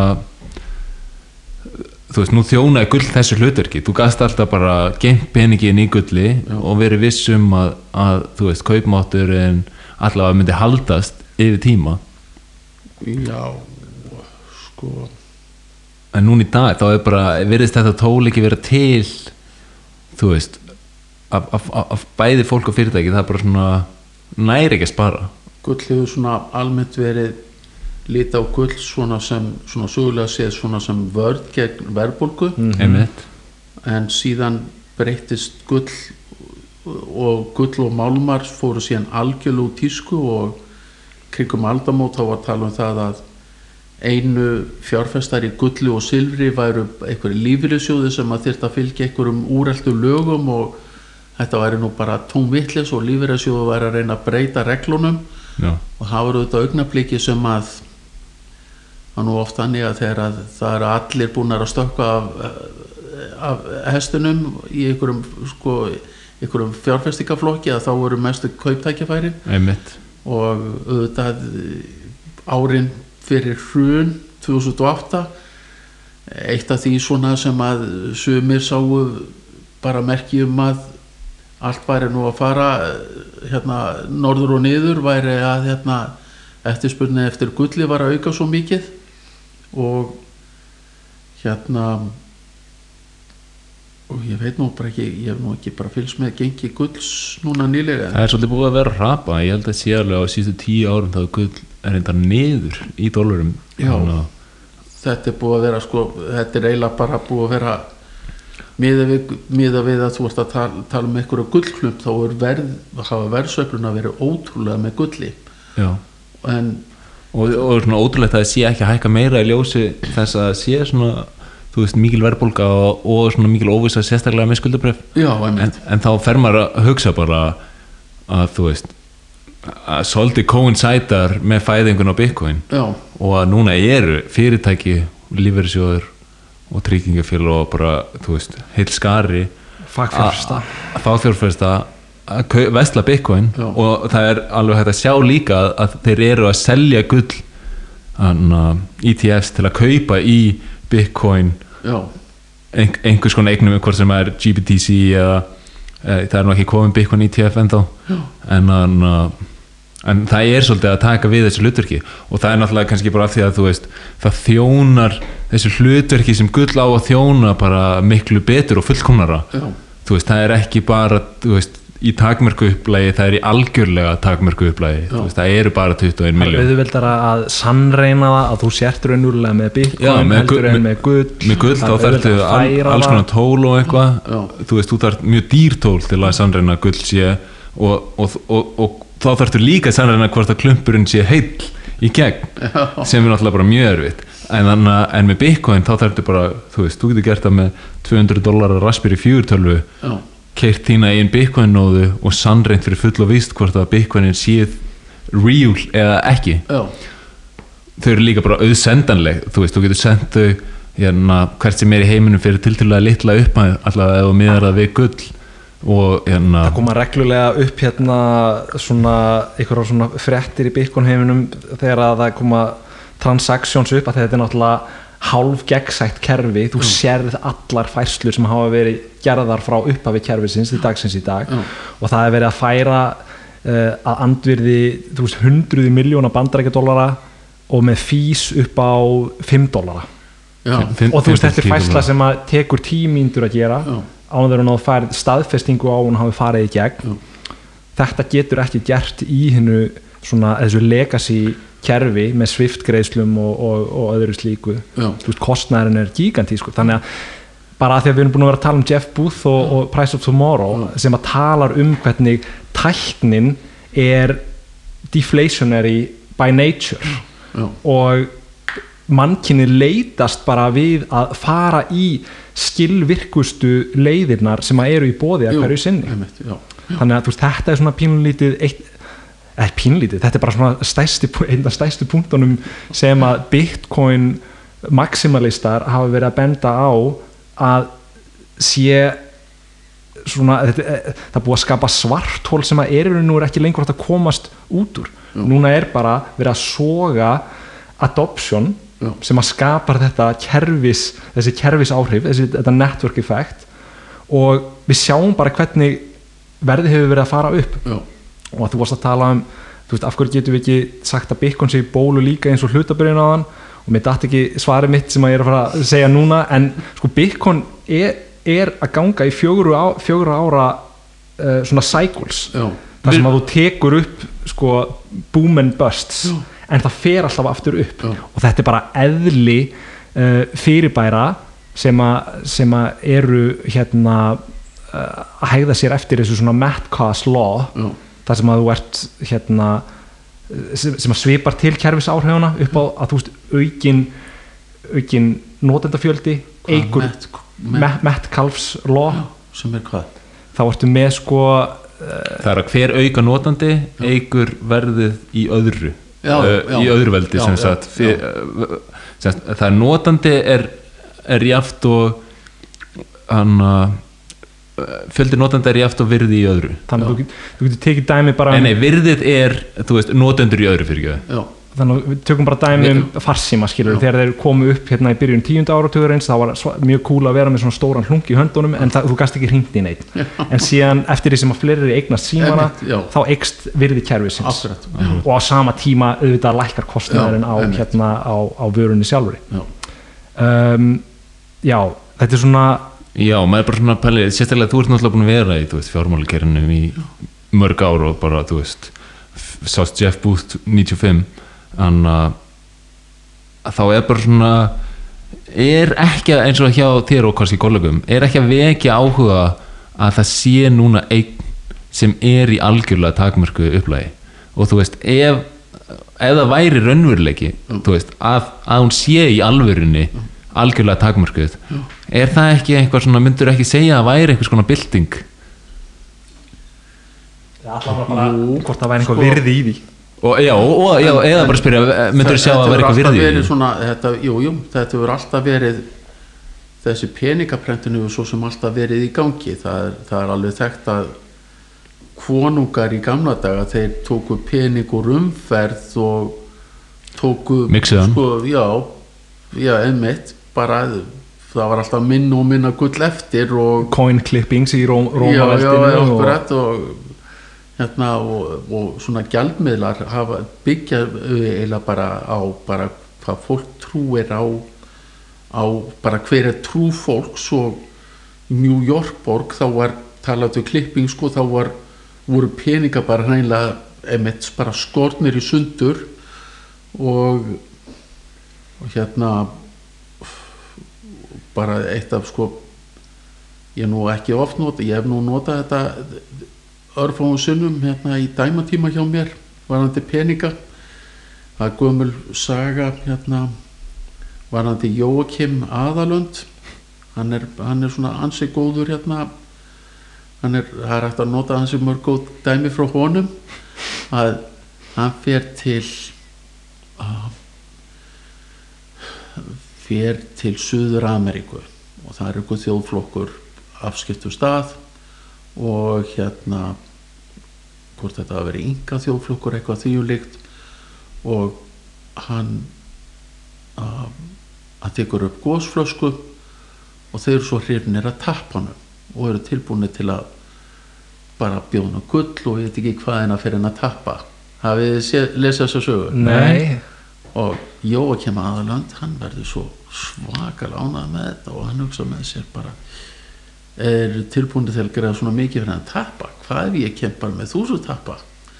Þannig að hann lætur flytja þyrlu og sturtar töpum yfir alla þjóðflokkin þeir verða þetta bara alveg brjálar bara hér er bara rusl bara hvað bara þessi sko þetta verðmæti er bara ekki eitt neð neitt. Og það þetta hérna þe- þetta, þetta snildar þessi snildar áallu Jókims aðurlönds hún auðvitað brást með þessu með þessu frambóði og meir þess að gulli það er þetta þegar spánverjanir fóru til Suður Ameríku og hérna og beittu hræðilegum bólabröðum til þess að ná í gullnámur og flutta til Evrópu uppalegur þeir afskapla, ríkir og svo velmengun stóð yfir í stuttan tíma því að nú var bara all Evrópa bara, bara flætti út um allt gull og Já. verði gullsins fjall líka Við höfum talað um þetta í þættinum að það, þú veist, finnst að voru nefnir þess að sögum með Jókan Máland að þá tóku við dæmi að það var kallað hérna, það voru svona í raun og veru bara voru breskir held ég atna, breskir sjómenn sem að fóru til Afríku.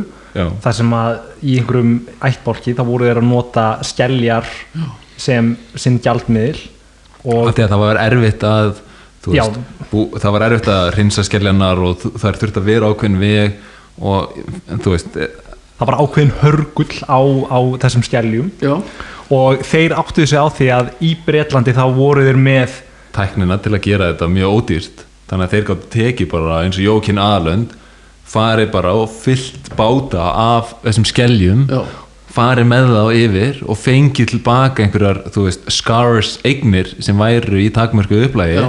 og skipt hannig út og, og það hafi verið svolítið partur af því hvernig þeir náðu svona að þú veist, r- næstu í ræna fólkið af öllum svona auðnum. Já, já sem sagt samt auðnum í huga þeirra. Já, en þú veist þegar maður er að horfa á eins og þú veist kannski að gull að þá er það ekkit endilega bara af því að þetta er samanlög trú fólks á að gull sé peningur. Já. það er kannski frekar að gull er með þessa eiginleika sem að gera það aðgóðum pening. Ger, þú getur ekki framleik gull já, þú Já. getur ekki, það er erfitt að framlega umframmagn og það er að þú veist já, þú bara getur ekki framleik gull Þú já, getur já, þú getur ekki upp. fram, framleita þú getur grafað upp, Já, einmitt en- en, en, þú getur sko að, að þú getur ekki hana, já, og þú getur ekki auðveldlega búið til umfram magn eða grafið upp umfram Já, magn þegar í, Af- sög, í af sögulegu því að- samhengi hefur verið svona inflationi á gull mjög stöðugt í einhverju 2% já, alltaf já, bara menn finna ykkur gull Já. hér námur hér og Já. þar og það er eitthvað aðeins eikst en og að því að verðið og- eikst þá fjárflastir í Já, já. tækjunum sem að hjálpa þér að ná Já, þessu já, aftur já, sko. já. þannig að þú Já. ert með þetta sko, þetta svona stock to flow ratio Já. byrðir á móti hérna Flæði- flæði, flæði. hlutfalli Já. sem gera það svolítið svona verðmætt og þe- þetta, það er ekki bara það að gulli glóir, af því að þú ert með alls konar málma sem að glóa líka Jú, jú. það er hörgullin sem að hefur og þetta er bara, mannkynni hefur notað gull sem pening í hérna þúsundir ára þangað til árið 1971 Já, já. þannig að við getum, við, erum á, við getum bara lítið á þannig að mannkynni er núna að ganga gegnum 50 ára tilraun á að einhverju nýr peningur sem bara svona þetta er ekki bundin við neitt. já, já, þetta er svolítið, þetta er Þetta svolítið bara merkilegt. bara, bara tröst er orðið. Bara, ef að það fer já. þá er upplýsunar ástand. Og það er svolítið fyndið og talaðir áðan að, þú veist á- ástandið, þú veist að fólk myndi bara missa allar trúi skuldabrinn væri svolítið eins og kreppur 29 já, og að við, við horfum oft til kreppunar sem var í Þýskalandi áðan að millistriðisárunum Jú, jú. Af því að veist, það líkir svo mikið miða við ástandið í dag. Já, já. það er svo greiðlega mikil verðbólga. Þú tekur ekki alveg eftir í strax en þú sér það í samfélaginu og veist, það er líst því þarna að það var mjög mikið um að fólk væri að fara á hlutabriðamarkað og það var mjög mikið bara svona, það voru allir að kaupa hlutabrið og mjög mikið svona gambling í gangi. Og fólk var að græða í mörkunum sínum já, fólk var bara að græða mjög mikið í til. En, en, en, en það var kannski þú veist var alltaf að nota kannski vittlisa mælistiku. Já, já. af því að mælistikan var alltaf að þú veist, breytast. Já. og það er svolítið svona það er svolítið þannig í dag skilur að við erum bara svona þú veist, þetta er ekki orðin áræðileg mælistika. Ef þú ert bara, ef þú ert að mæla gróðaðin í dollurum eða íslenskum krónum þá ertu bara að fá mjög lélegt signar af því að það er alltaf verið að breyta mælistikunni. En, en núna í dag þá eru komið bitcoin fyrsta eign í hagkerfinu sem er algjörlega takmarku og er í raun og veru það sem við höfum talað um að sé fyrsti fastin í, í bara í, na, Í hagfræði. í hagfræði. Já. fyrsti fastin bara 21 miljón er ekki hægt að búið meira. Og nú erum við komið með almennlega mæleiningu á verðmæti. Og kannski ástæðan fyrir að Bitcoin er að fara all in er að þeir hugsa skilur ef að Bitcoin er að fara að vera veist þessi þetta það sem það er lítur út fyrir að fara að verða að, að, þú veist mæli eining á verðmætum fyrir allan heiminn að þá þú veist þá er allt overpriced Já. á móti Já. En það eru auðvitað af því gefnu að það munu allir samþykja þennan gjaldmiðl mm. og veist, ég veit ekkert. Og má ég, ég veit það ekki. Ég veit að má ég vitna í greinina þína að því þú segir hérna þegar þú ert að lýsa .com hérna bólunni þú segir satt best, þegar þú ert að lýsa ástandinu í dag ekki bara Bitcoin heldur bara ástandinu. Sko satt best að segja hefur mér ekki liðið eins og ég væri ekki að ná þessu í jafnmiklu mæli og síðan .com árin 1990, 1999 til 2000 þegar Nokia, Yahoo, America Online voru fyrirtæki framtíðarinnar. Já, sum, sko sumi sem lesa þessar línur mun eftir, eftir því að slíkar fjárfestingar reyndust vera glópagull.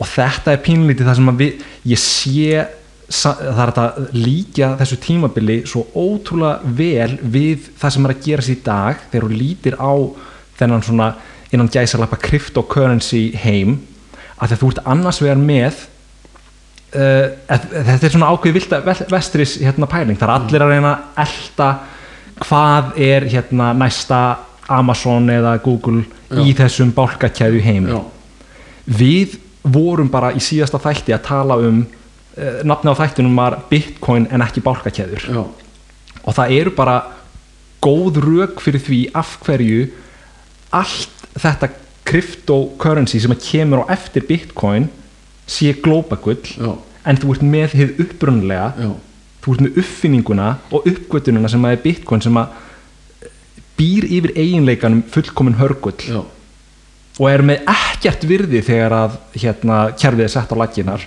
en peningavæðist með tímanum vegna þess að fólk setur tröst sitt í kerfi sem að er ómiðstýrt og býr yfir þessum hérna uh, sem sagt uh, trösta inflation skilur það er bara búið til bitcoin á tíminn og fresti já, skilur þannig að með þessum tíma þá fer fólk að bætast inn í hópin kerfis áhrifin eiga sér stað Já. og þetta byggist allt á sjálfbærum og organik grunni. Já. eitthvað sem að öll hinn verkefnin sem að tengja sig við bálkakæður Já. þeir geta ekki státa sig á.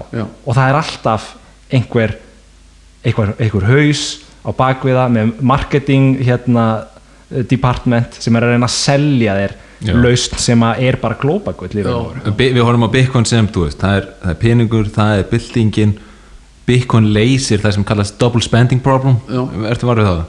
Eh, það er það að, að, að geta með, þú veist, með, með dreifðum hætti semst ekki að nota miðstyrra naðla til að þú veist tryggja það að eignin þú veist, þú sendir mér pening að ég geti verið viss um það að þú sendir mér hann og gast ekki sendið einhverjum öðrum hann líka. Já, já, að ég veit fyrir víst að þú gast ekki eitt þessum pening tvísvar já, einmitt, já, og, en, og Bitcoin leysir það vandamál Já. og, er, og það er í raun og veru byltingin. Já, og hann uh, það er náttúrulega bara já. Við, við getum haldið áfram endalust að tala um þetta en, en sko að því að þú segir í greininni sko, mér finnst ég ekki vera að ná þessu þú veist, ég, ég skilða alveg. Já. þetta er ekkert eitthvað svona sem að einstaklingar ná bara sama hvort þeir séu vel mentaðir og, og, og skilur með flotta fyrirskar eins og þú en maður þarf að sökva sér pínlítið ofan í gefa þessu 40 klukktíma basically sko. Maður þarf að gefa þessu tíma og bara svona reyna að átta sig á því út bara hvað, hver er ástæðan fyrir því að Bitcoin er búið að hækka frá nulli og upp í 700 biljón dollara markasverði Já. á 12 árum. Það hlýtur að vera eitthvað á bakvið þetta. Getur ekki bara verið píramítasvindl eins og svo margir vilja eins og, eins og Ásker Jónsson veist, kom í viðtal og sagði þetta væri bara píramítasvindl það hlýtur að vera eitthvað meira en það sem að okkar hagfræðingar og, og fræðimenn eru ekki alveg að þú veist, átta sig á en þá sko mitt inntak er ég held að ég held að sko það er einhver stjarfræðilega há, á, há prósenta bandarækjamanna sem hafa fjárfest í Bitcoin. Og ég 45% 45% á 45% Já. og ég er alveg viss um það að stór stór prósent af þeim hópi viti ekki í raun tækifæri og áhættur tengt slíku fjárfæstingu ég er eiginlega nokkuð vissu það. Og ég hef miklar áhyggjur að því eins og ég segi að meina, ég hef alveg bara ég, ég, það hafa alveg ímisverkefni sem ég hef ekki haft neina trú á orðið að ekkur frábæru. En að það sé svona mikill peningur lagður í þetta Mhm. og þá væntalega stór hluti af fjárfestingum í ykkur dæmi sem að sko það, það séu svona margir konir inn það þýr að ykkur vilja fara út að þá geti sko gengið sveiflast bara í allar áttir að að ég hef já, ég hef áhyggjur af þessu mm. og að það sé búið að hérna búið að hérna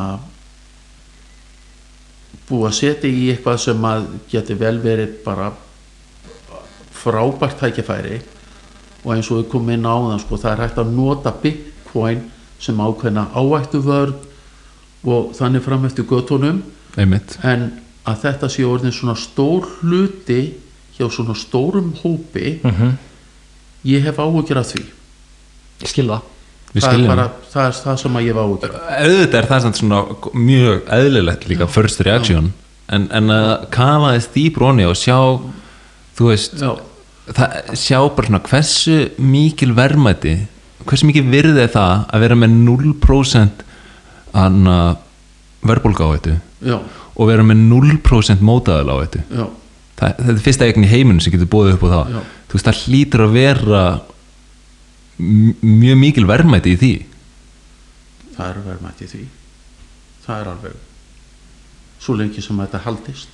Svo lengi sem þetta haldist. Og það er svona er maður að gera sér mjög góða grein fyrir því hvað veldur því að það eru bara 21 miljón bitcoin. Hvernig er, er það staðreind og þú veist er í alvörunni ekki að hægt að búa til meira af þessu? Það sko og hvernig fer kerfi af því að innlega svona takmarka magna af 21 miljón og hérna já, það er bara sko ég, það er hvernig orða þetta? Þú, það er ekki hægt að svara þessu. Ef að þessi ef að þess að forsendu gangu þá, geng, þá bara þá er, þá er líklegast allt í góðu. En ég hérna ég bara, svona eitt af því sem að ég man eftir var að ef að þú ert með eitthvað verkefni og þú eru sex atriði sem að geta klikkað mm. ekkert þar að má klikka það eru sex atriði að og það eru bara 5% líkur á því að eitt þessara atriði að klikki. Þá er bara líkunar á því að verkefni hrinji eru orðnar svo miklu meiri. Nú man ég ekki prósentuna. Algjörlega það, hún er miklu herri heldur en maður heldur. Já, af því þá er þetta bara svona house of cards sem að Bara fellur á emitt Já. Já. það er talað um bitcoin sem anti-fragile fyrirbæri. Já, sko við erum að tala um kerfi sem er það, það, það fer, fer engin hérna uh, það er allir Bitcoin maximalistar þeir, þeir halda því basically fram að, að Bitcoin sé að reyna að, að taka yfir núverandi peningakerfi. Já, og við getum bara rétt ímyndað okkur fólki sem að stjórnar þeim heimi. Já, þeir vilja halda í sín sem sagt, stjórnaröfl bara sama hvað. Þeir, það eru búin að vera endalausar árásir á Bitcoin-kerfið í gegnum tíðina. Já. og þú veist, það eru mjög mörg dæmi sem er að telja upp. En Bitcoin hefur alltaf náð að, að standast þær árásir vegna þess að það byggist upp á mörgum eiginleikum sem að ef að einhver, veik, ef að einhver af þessum einum eiginleika uh, veikist þá er annar sem að hefur kvata á því að ebla sinn part Já. sem að eblir kerfið allt uh, upp. Og þetta, þetta hefur haldið áfram að gerast í raun og veru öll 12-13 það er mjög áhverð eins og að horfa núna í Nígeri nýlega þá bönnuðir Bitcoin þá var búið að vera hérna, mótmælindahópir sem voru á móti hann að lauruglóbildi þeir voru orðinir stórir og bankabókunum voru lokað á það. Og hann að þá samnir Bitcoin aðgang og voru að samna sagt styrkjum með Bitcoin. Og hann að og þetta er náttúrulega magna kerfi skilur að, að þú getur, þú veist þú, þetta er censorship resistant. Þannig að það- þú veist, Óritskoðanlegt. óritskoðanlegt þannig að, að þú veist, það getur engin stöðu að millifærslu í Bitcoin-gerinu og, og þeir fara að taka við hana þessu ofan að það að þú veist, mikill partur af landinu er að adopta Bitcoin. Níger, ríkið í Nígeríu þeir banna Bitcoin. Og Bitcoin er bara þannig að þú veist ef þú ræðist á það þá virðist þá partur að vera sterkari. Þannig að þegar nýgariska ríki bannar Bitcoin að þá springur svartimarkaðurinn fyrir Bitcoin Já. og verður bara risastór Já. og adoption eikst og, og, og annað stjórnmálumenn nýgaríu eru kvótaðar að segja bara að Bitcoin er búið að gera okkar gjaldmiðl bara gagslausan og verðlausan. Þannig að þetta er svolítið, þú veist þetta er náttúrulega, þetta er svo áhugavert koncept og að þetta sé að gera svona í rauntíma já, og, við og, og líka fylgjast- spennandi af því að við erum að horfa á þú veist í dag þá verður að eiga eign til þess að geta haldið kaupmætti. Já. og margir vita þetta ekki, margir samna bara inn á bankabók haldandi að það sé þú veist, góður sparnar, ekki átt að sjá því að þú veist, þú verður að komast í eign. Annars er þetta bara game over. Já. en fyrir flesta er ekkert svo auðvelt að komast í eign. Já, núna að vísu Robin Hood þannig að fólk getur keift kannski hlutabrið fyrir einhverju nokkra dollaraskiluru Já. en almennt út um allan heim þá erum við fólk bara, þú veist, á fátæktamörkum skiluru sem að eiga mjög erfitt með því að koma sér upp úr þeim. En núna ertu komið með eign þar sem þú getur bara átt brotabrót og þú ert að fá að fá sömu aukning á kaupmætti og Tesla er að fá á reikningana sína. Já. það er alveg þú veist, það er svo magnað koncept að er ná, bara svona hversu, hversu mikil bylting þetta er þú veist, fyrir til að jafna út leikin en ertu ekki að tala um að þá að, ég, ég meina þá hugmyndi hlýtur þá að vera svo að virði á Bitcoin þess að sveiflur hætti. Á endanum en að, að þú veist að, að, að þá kemur oft inn á að fólk, fólk talar um sveiflunar sem hana, leggja svona rök á, á að það sé eitthvað svona ástæða fyrir að fjárfæst ekki í.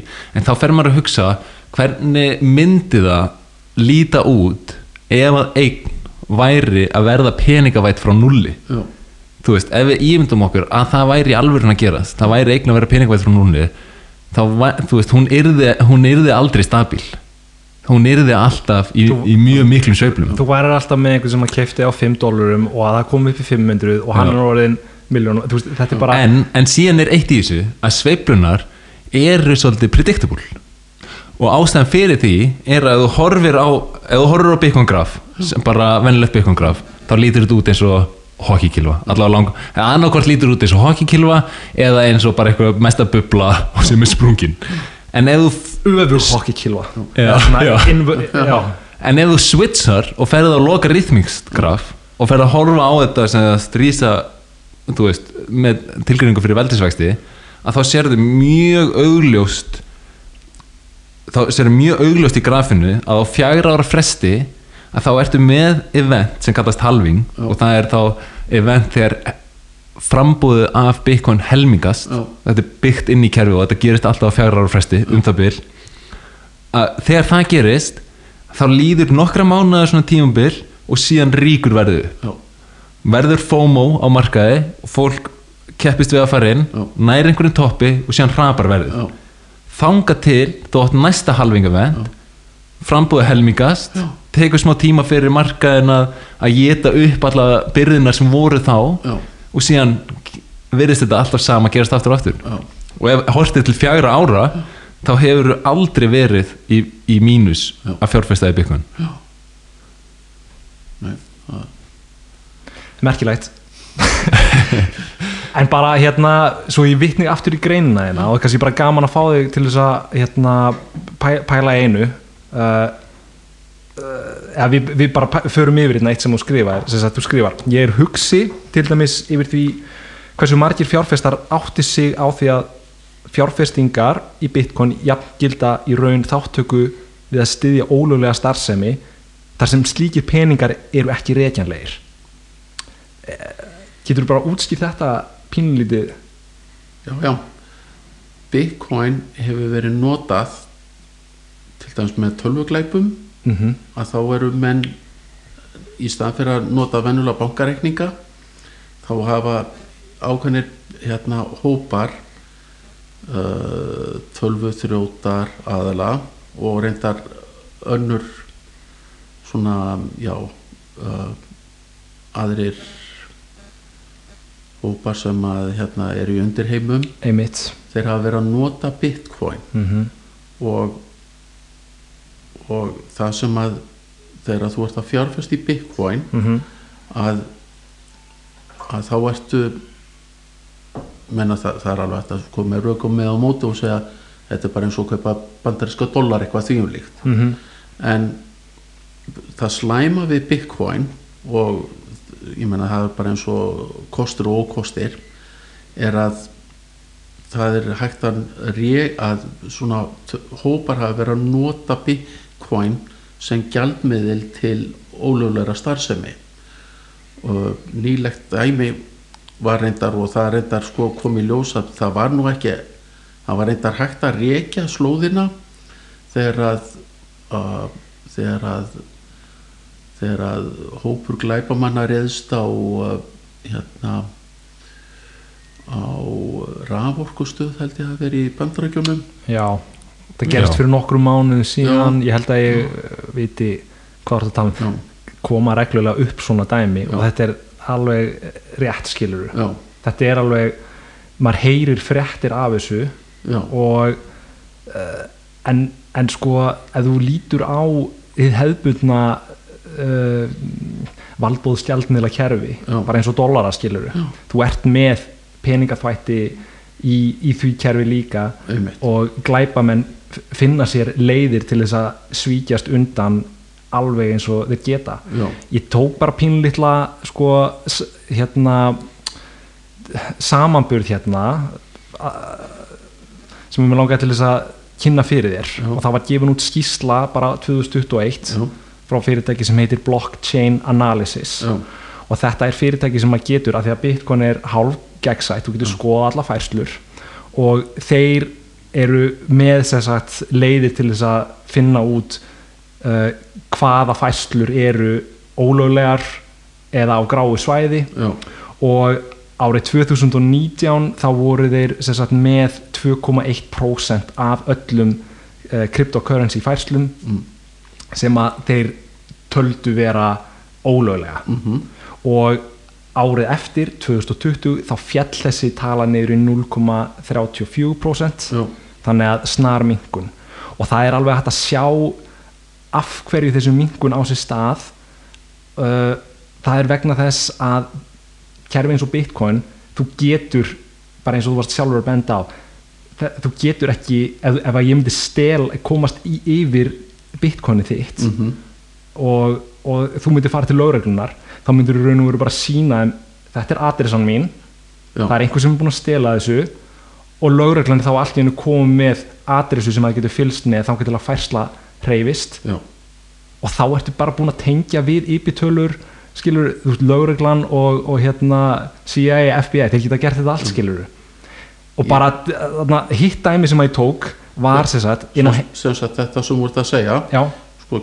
ég las þessa grein eftir ég á búin að skrifa þessa ok. og fæslu Ok. og þá sem sagt, virðist vera að þessi sko bitcoin hérna hul, hula ef svo mætti orðið komast hún virðist vera að fjara út. Já, mm algjörlega. Hún virðist vera að fjara út og það, þú þannig að sæðir eitthvað við mig áðan. Já, það var eitthvað konu í FBI sem sagði að, þú veist, var kvótað að segja ég myndi taka uh, Bitcoin ledgerinn yfir póka af seðlum any day of the week. Já, já, og að, þú veist, miklu auðveldara að í raun og rekja Bitcoinin já. sem sem það er, þetta er náttúrulega bara opið kerfið og en ég hérna- reyndar sko átta mig heldur ekki á því já, að prósentan hafi verið þetta há áður. Að Þetta eru 2,1% já, Já, sko, þá ætla ég að, þá ætla ég að, hérna, þá ætla ég að koma þér á óvart vegna þess að ég fór síðan inn á hérna, heimasíðu saminuðu þjóðana Já.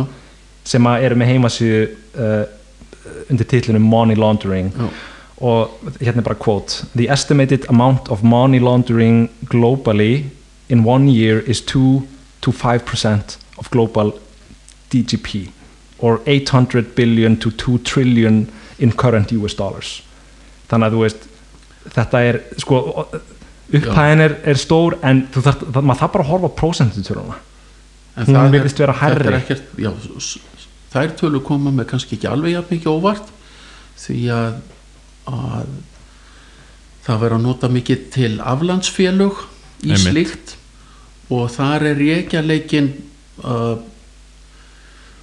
þar þarftu kannski ekki nöðsölu að vera með bitcoin til þess að hilja slóðina þú ert með eitthvað, eitthvað skúfu fyrirtæki sem á síðan eitthvað annað skúfu alls ekki annað skúfu fyrirtæki og það er um, hann heitir uh, Súkurmann Súkmann eða Súkurmann sem að áætlaði að núna tiltúlega nýlega að ef ég maður rétt að það væri í kringum 8% eigna í heiminum væru í aflandsfélögum.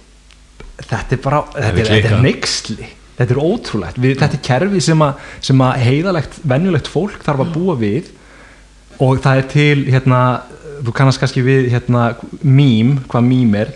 Mím er, mím er basically bara svona hugmynd sem að festist í kollunum á fólki. já, sem sagt á ennsku, mím. Já, mím, já, já, þetta er svona eins og vörumerki nema að það hefur ekkert svona peningilegt gildi yfir það. og það er mím í Bitcoin heiminum sem að Bitcoin er að hérna, þylja upp reglulega og það er Bitcoin fixes this. Sem að þýðir basically bara að þú getur sagt þessa setningu við svo ótrúlega margt það er svo mörg vandamál sem að núverandi kerfi er að glíma við Já. og er ekki að ná að kljást við já, einmitt já. þannig að þetta sko þetta hérna það væri nú bara ávert að ef að væri til ykkur rannsókn á þessu og varðandi Bitcoin hvort að Bitcoin geti í stað þess að vera sko misnotað af, af svona, já, óheiðalegri starfsemi að það bara hægt að snú um sagt, umbreyta því fæslunum í að það sé hægt að rekja fæslunar en ekki í hinn áttina. Því að það eru þetta þetta er í raun og veru sko þá er þetta mjög alvarleg staða fyrir til að mynda íslensk fyrirtæki því að við okkar efnahagur byggist fyrst og fremst á litlum og meðalstóru fyrirtækjum mm og fyrir slík fyrirtæki sem eru þá að greiða skatta til samfélagsins að, að, að þau eru þá frekar augljóslega að hafa að, að já að viðhal, viðhalda þjóðfélaginu einmitt. eins og mætti orði komast á meðan að einhverja starri keðjur og hérna starri keðjur og einstaklinga sem eru þá með meira fjármagn á milli handana hafa þá einhverja aðla sem að vinni því að koma peningum undan. Og uh, og skýsla sem að fjármálaráðunetti gerði fyrir einhverjum áru síðan síndi fram á það að það er, er alveg ótrúlega miklar upphæðir á Íslandi sem að voru fluttar til aflandsæjar árið fyrir hrun hrun 2008 Mhm.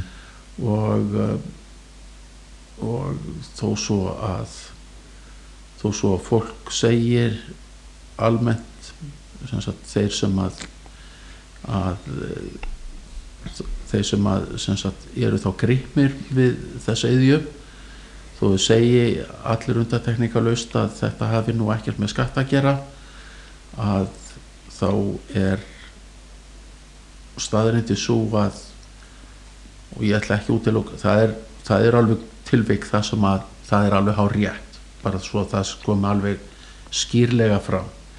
Þá er það í mjög mörgum tilfellum eina ástæðan Já. er að til að komast hjá skakkreðslu mm og hérna og því ég geti verið ég meina ég held að það verður nú bara aðteklisvert fyrir ykkur að kafa í þetta mál og fá kannski eitthvað seffræðing í þessu hvort að það sé hægt að hvort að það sé hægt að hvort að það, þessi tækni sé nýtalegi í það að auka reykjaleika frekar en að frekar en að minka Vá, þetta er efni heilan þátt í viðbót sko. Já, Af þið því er að- ekkert að fara í sumafrí nei, nei, við erum bara að halda áfram í allan veitur og þannig að Já, já, það er svona skipta skoðanur um, um þessi mál í Bitcoin heimum sko. ég reyna, ég reyna að kenna mínu fólki bestu leiðir til að komast hjá reikjanleika já, og, og, og reyna að vera meira prívat af því að þetta er open ledger og, og það er kannski ekki alltaf jákvætt. Tökum sem dæmi kannski ef að þú væri að fá greitt laun í Bitcoin um, þá myndi launa launa hann að greiðandiðin hann myndi sjá allar fæslur í kjölfarið. Hann sér sem sagt adressuna sem að hann leggur inn á Já. og síðan getur hann sé reyfinguna á uh, Bitcoinuninum eftir á. Hva- hvert þau fara sem sagt. Mm. já.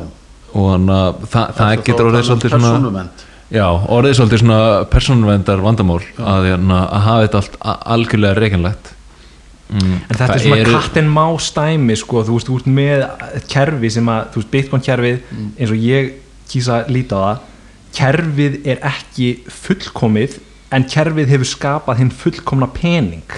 Já, þannig að þú ert með þetta, þetta þennan eiginleika til dæmis sem að bara er í raun og veru ekki hægt að ekki hægt að fara framhjá skilur þú ert með færslur sem að, sem að sjást og það er ekki auðvitað að breyta kerfinu. En, en hérna til þess að auka veist, ef, ef það eru gert eitthvað svona soft fork lausni sem að, sem að auka privacyð, þá ert allt í hennu komið með svona yfirhundina hjá þeim sem að vilja svíkja undan skatti og þá er, þú veist, þá er löggæslan komin á það stiga að reyna að ná í þá þannig að þú veist, þetta er alltaf svona cat and mouse leikur sem að endar í einhverju jafnvægi Já. á endanum Já. og þú veist, time will tell Já. pínulítið. En þú veist, það er að ræða þetta endalaust. Já. við erum búin að vera að tala mjög lengi hérna. það er eitt í viðbót sem að mér langar til þess að nefna við þig. Við eigum pínlítið eftir að fjalla um þetta í okkar podcasti. Og það er sem sagt með bitcoin orku þörfina.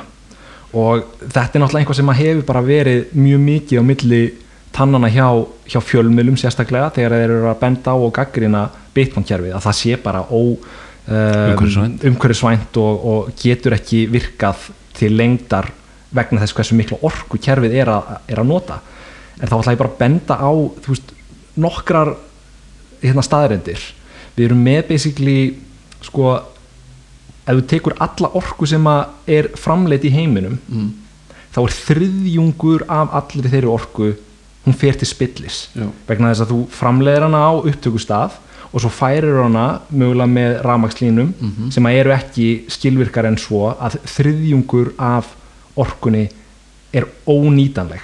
Og þetta á við um vassfallsorku eða, eða ólju eða gas.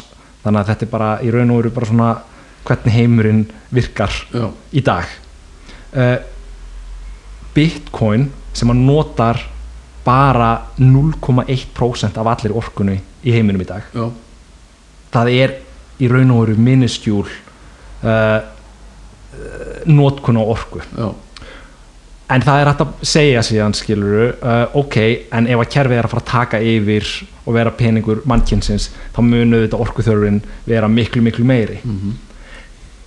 Bitcoin virka samt pínlítið þannig að eftir því sem að er það ekki námugröftur sem að krefst þessar orku? Jú, það er námugröfturinn sko.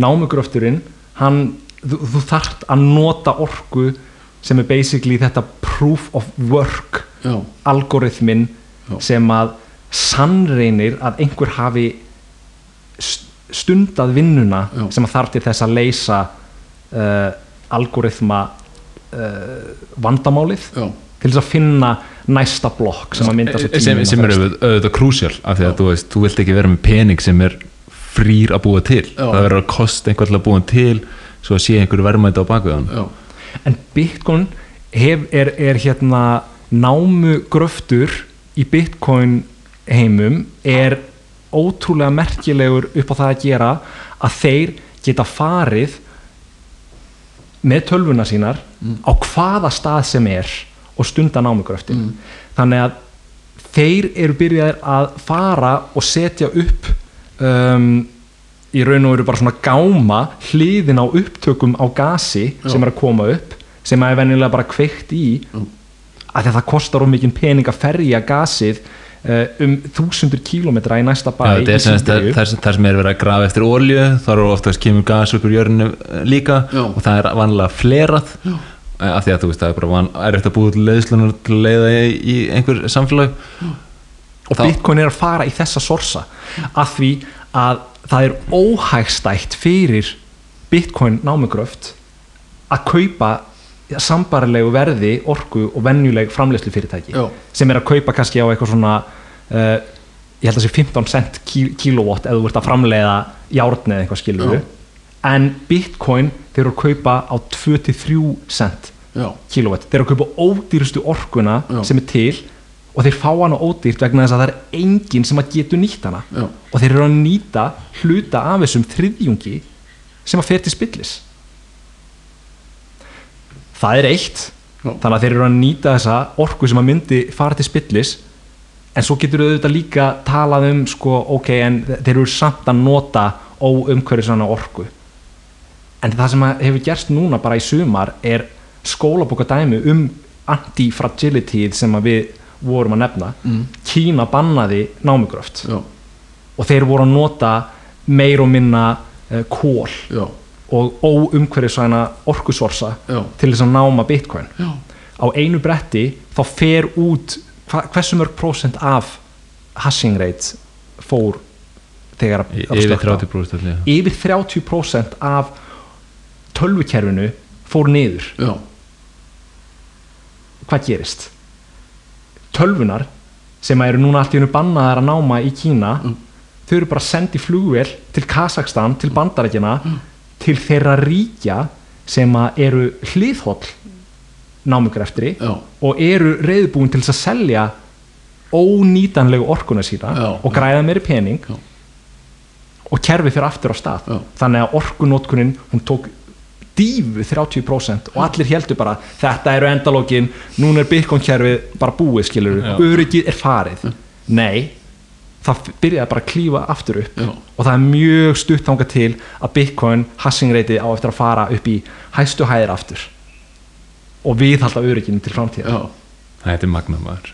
Þannig að ég vildi svona pínlítið bara hérna að, að þegar þú skrifa klíra þessa pointa. Þetta var hérna, þetta voru þessi tveir punktar hérna, já, sem okkur fannst svolítið ósangjarnir það er líka að setja þetta í samhengi sko, þú, þú segir sko að, að Bitcoin framleiðsla er að eyða gífurlegri orku sem væri betur nýtt í aðra framleiðslu. Og það er einn samanbyrður hérna sem bara er svo eye-opening. Uh, tökum hérna dæmi um uh, uh, samanbyrður á orkunótkun á þurrkurum í bandaríkjunum og Bitcoin. Þannig að árið 2019 þá er áætlað að 123 miljón heimili í bandaríkjunum noti þurrkara Já. til þess að þurrka þvottin sinn. Þessi þurrkarar er að nota er áætlað að þeir noti 75,5 terawattstundir á ári. Bitcoin þegar það var í hæstu hæðum áður en að Kína slökti á þá var orkunótkunin í 69 terawattstundum á ári. Allt kerfið. Já, það minna en það að bara þurrkaranir í þetta er að tryggja pening fyrir 150 miljón manns Já. sem er með eng, 0% verðbólgu á þetta og 0% mótaðal á þetta. Já. bara hversu mikil bylting? Að horfa á þetta svona frá þessu sjónum já, já, já, þannig, þannig að Bitcoin maximalistin eins og við í Ívar sem að erum hérna að þú veist, við erum að tala yfir þig akkurat núna, en þú veist við sjáum, við, við, við, við áttum okkur á því að Bitcoin notar orkuna en virðið sem að fæst af því að nota orkuna er svo gigantist Já. að það verður þess virði já, þannig að þetta voru svona, já, okkur langar til þess að þetta pínlítið ég ætla ekki að koma með mótrug sko. Nei. einmitt en, en sko ég, ég, ég skil alveg það er mikið talað um orkunótkununa í fjölmiðlum og uh, það er ekkert erfitt að sjá hvernig fólk kemst að þeirri niðurstöðu að Bitcoin sé ekki málið út af því hvernig fjölmiðlar eru að fjalla um, um Bitcoin já, en það er bara með tilkomu internetsins þá eru einstaklingar allt í hennu komin með tæki og tól til þess að afla sér upplýsinga og kafa dýbra ón í málin Mm. og sannreina upplýsingana Já. af því að það er annað mím í Bitcoin heimum sem að segir don't trust but verify. Já, ekki treysta því þegar þú ferðin á vísi.is og fyrirsögnin er Bitcoin orku, orkunótkun er, er X skiluru þú getur farið og, og, og hérna sannreinda Já. þú getur séð, þú getur opnað nóðuna þína sem að er hérna, ein- einn af pörtunum sem að er, er partur á Bitcoin kærunu og þú getur bara stimplað inn einhvern kóða og þú getur séð við erum að nota svona miklu orku akkurat núna. já, og svo getur þú bara komið samanbyrðin já. nú ætla ég að hætta að tala. Þetta er búið að vera skemmtileg spjall. En er eitthvað, er svona loka orð sem að þú vilt kannski Höfðu þið náðu samfæra að kíkja aðeins dýbra inn í þetta inn í þetta kerfi? Já, já, já, ég er alveg, ég er alltaf opið fyrir slíku. Hérna ég hérna Myndur þú skipta skuldabriðunum út fyrir Bitcoin á portfóljónum? nei, eins og Ray Dalio sagði, hann sagði Bitcoin before bonds? Það var það sem hann sagði bara fyrir nokkru viku síðan.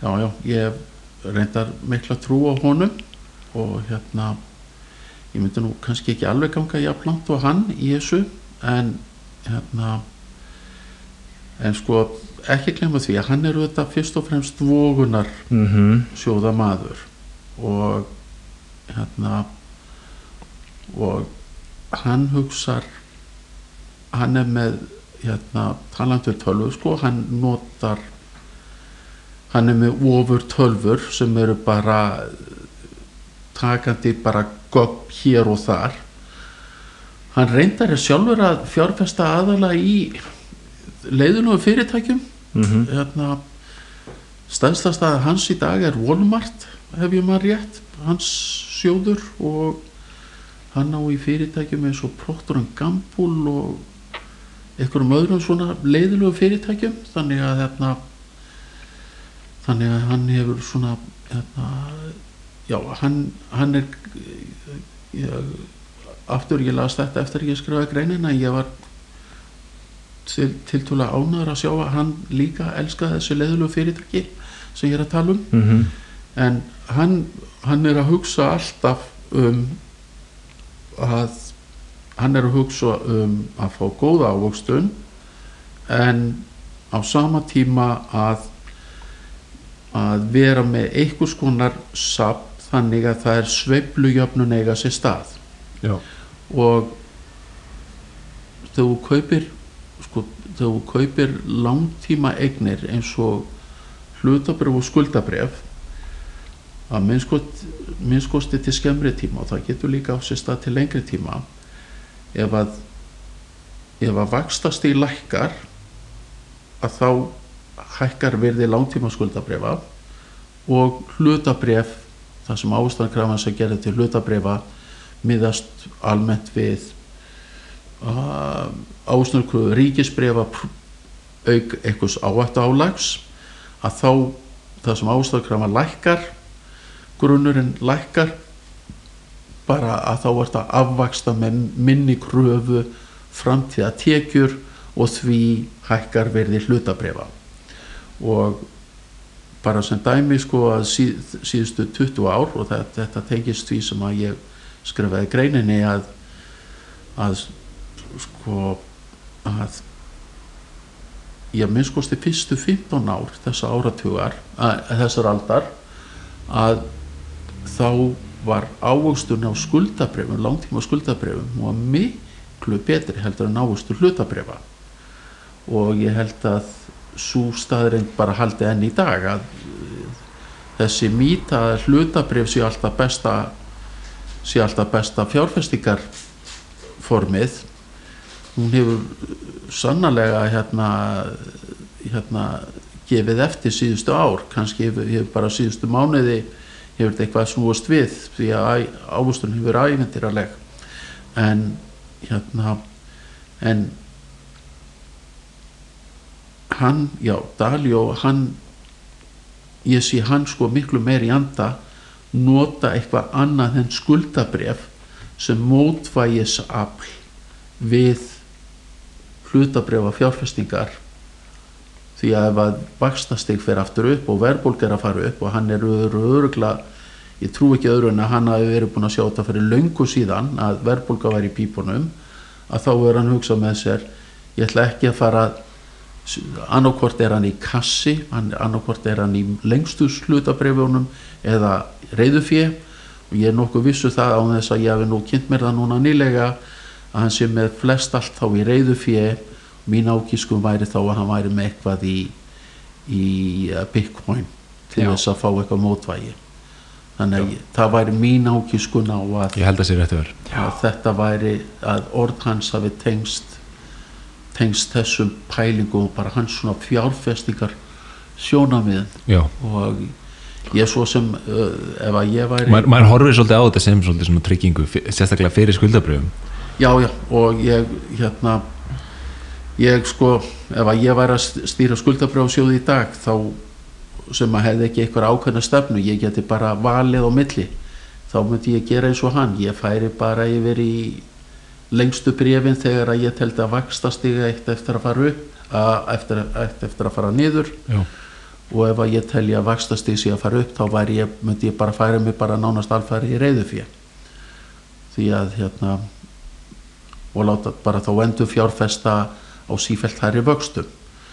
Og þá eru þetta minnsti minnstu tapmúl að já, minnsta tapið handa hótsins ef að vakstastig færi upp. Þannig að já, ég myndi svona án þess að ég hef kynnt mér málið nánar að þá sé hann að veðja á þetta leðileg hlutabrjöf en ef að vakstastig myndi rjúka mikið upp að þá vera í vera með einhver ávættu varnir og þá væri Bitcoin mæntalega svona eitt af hans fyrstu mm tólum í því sambandi.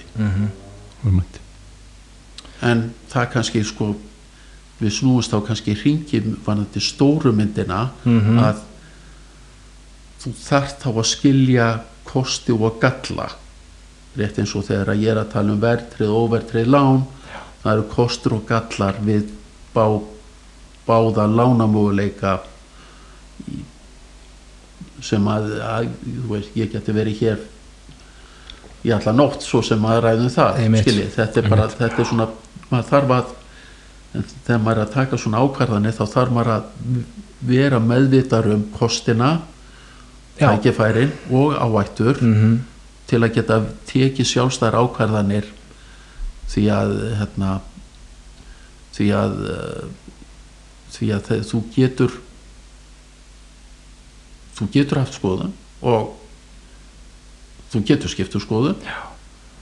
og þú getur síðan bara líka bara haft þú getur haft skoðun, skiptu skoðun en samt getur sko einhver þriðji veruleiki verið til staðar Einmitt. sem að þú bara uh, eins og sagt var eitthvað tíman og Römsfeld sagði eitthvað tíman unknown unknowns það eru Mhm. Akkurát. eitthvað sem að það er eitthvað sem að þú veist ekki um og að það sé einhver breyta, breytaleg eitthvað breytaleg hérna einhvers, konar breytileiki í framtíðinni sem að þú veist ekki um og þú veist ekki að hann sé reynilega til staðar Einmitt. Ég held að sko Bitcoin menn eru ekkert rægir við það að viðkjanna að sko Bitcoin getur farið í núl Já. og það er bara Bitcoin er bara getur auðvitað farið í núl en on the upper side þá er basically verið að tala um veist, heims yfiráð innan gæsalappa.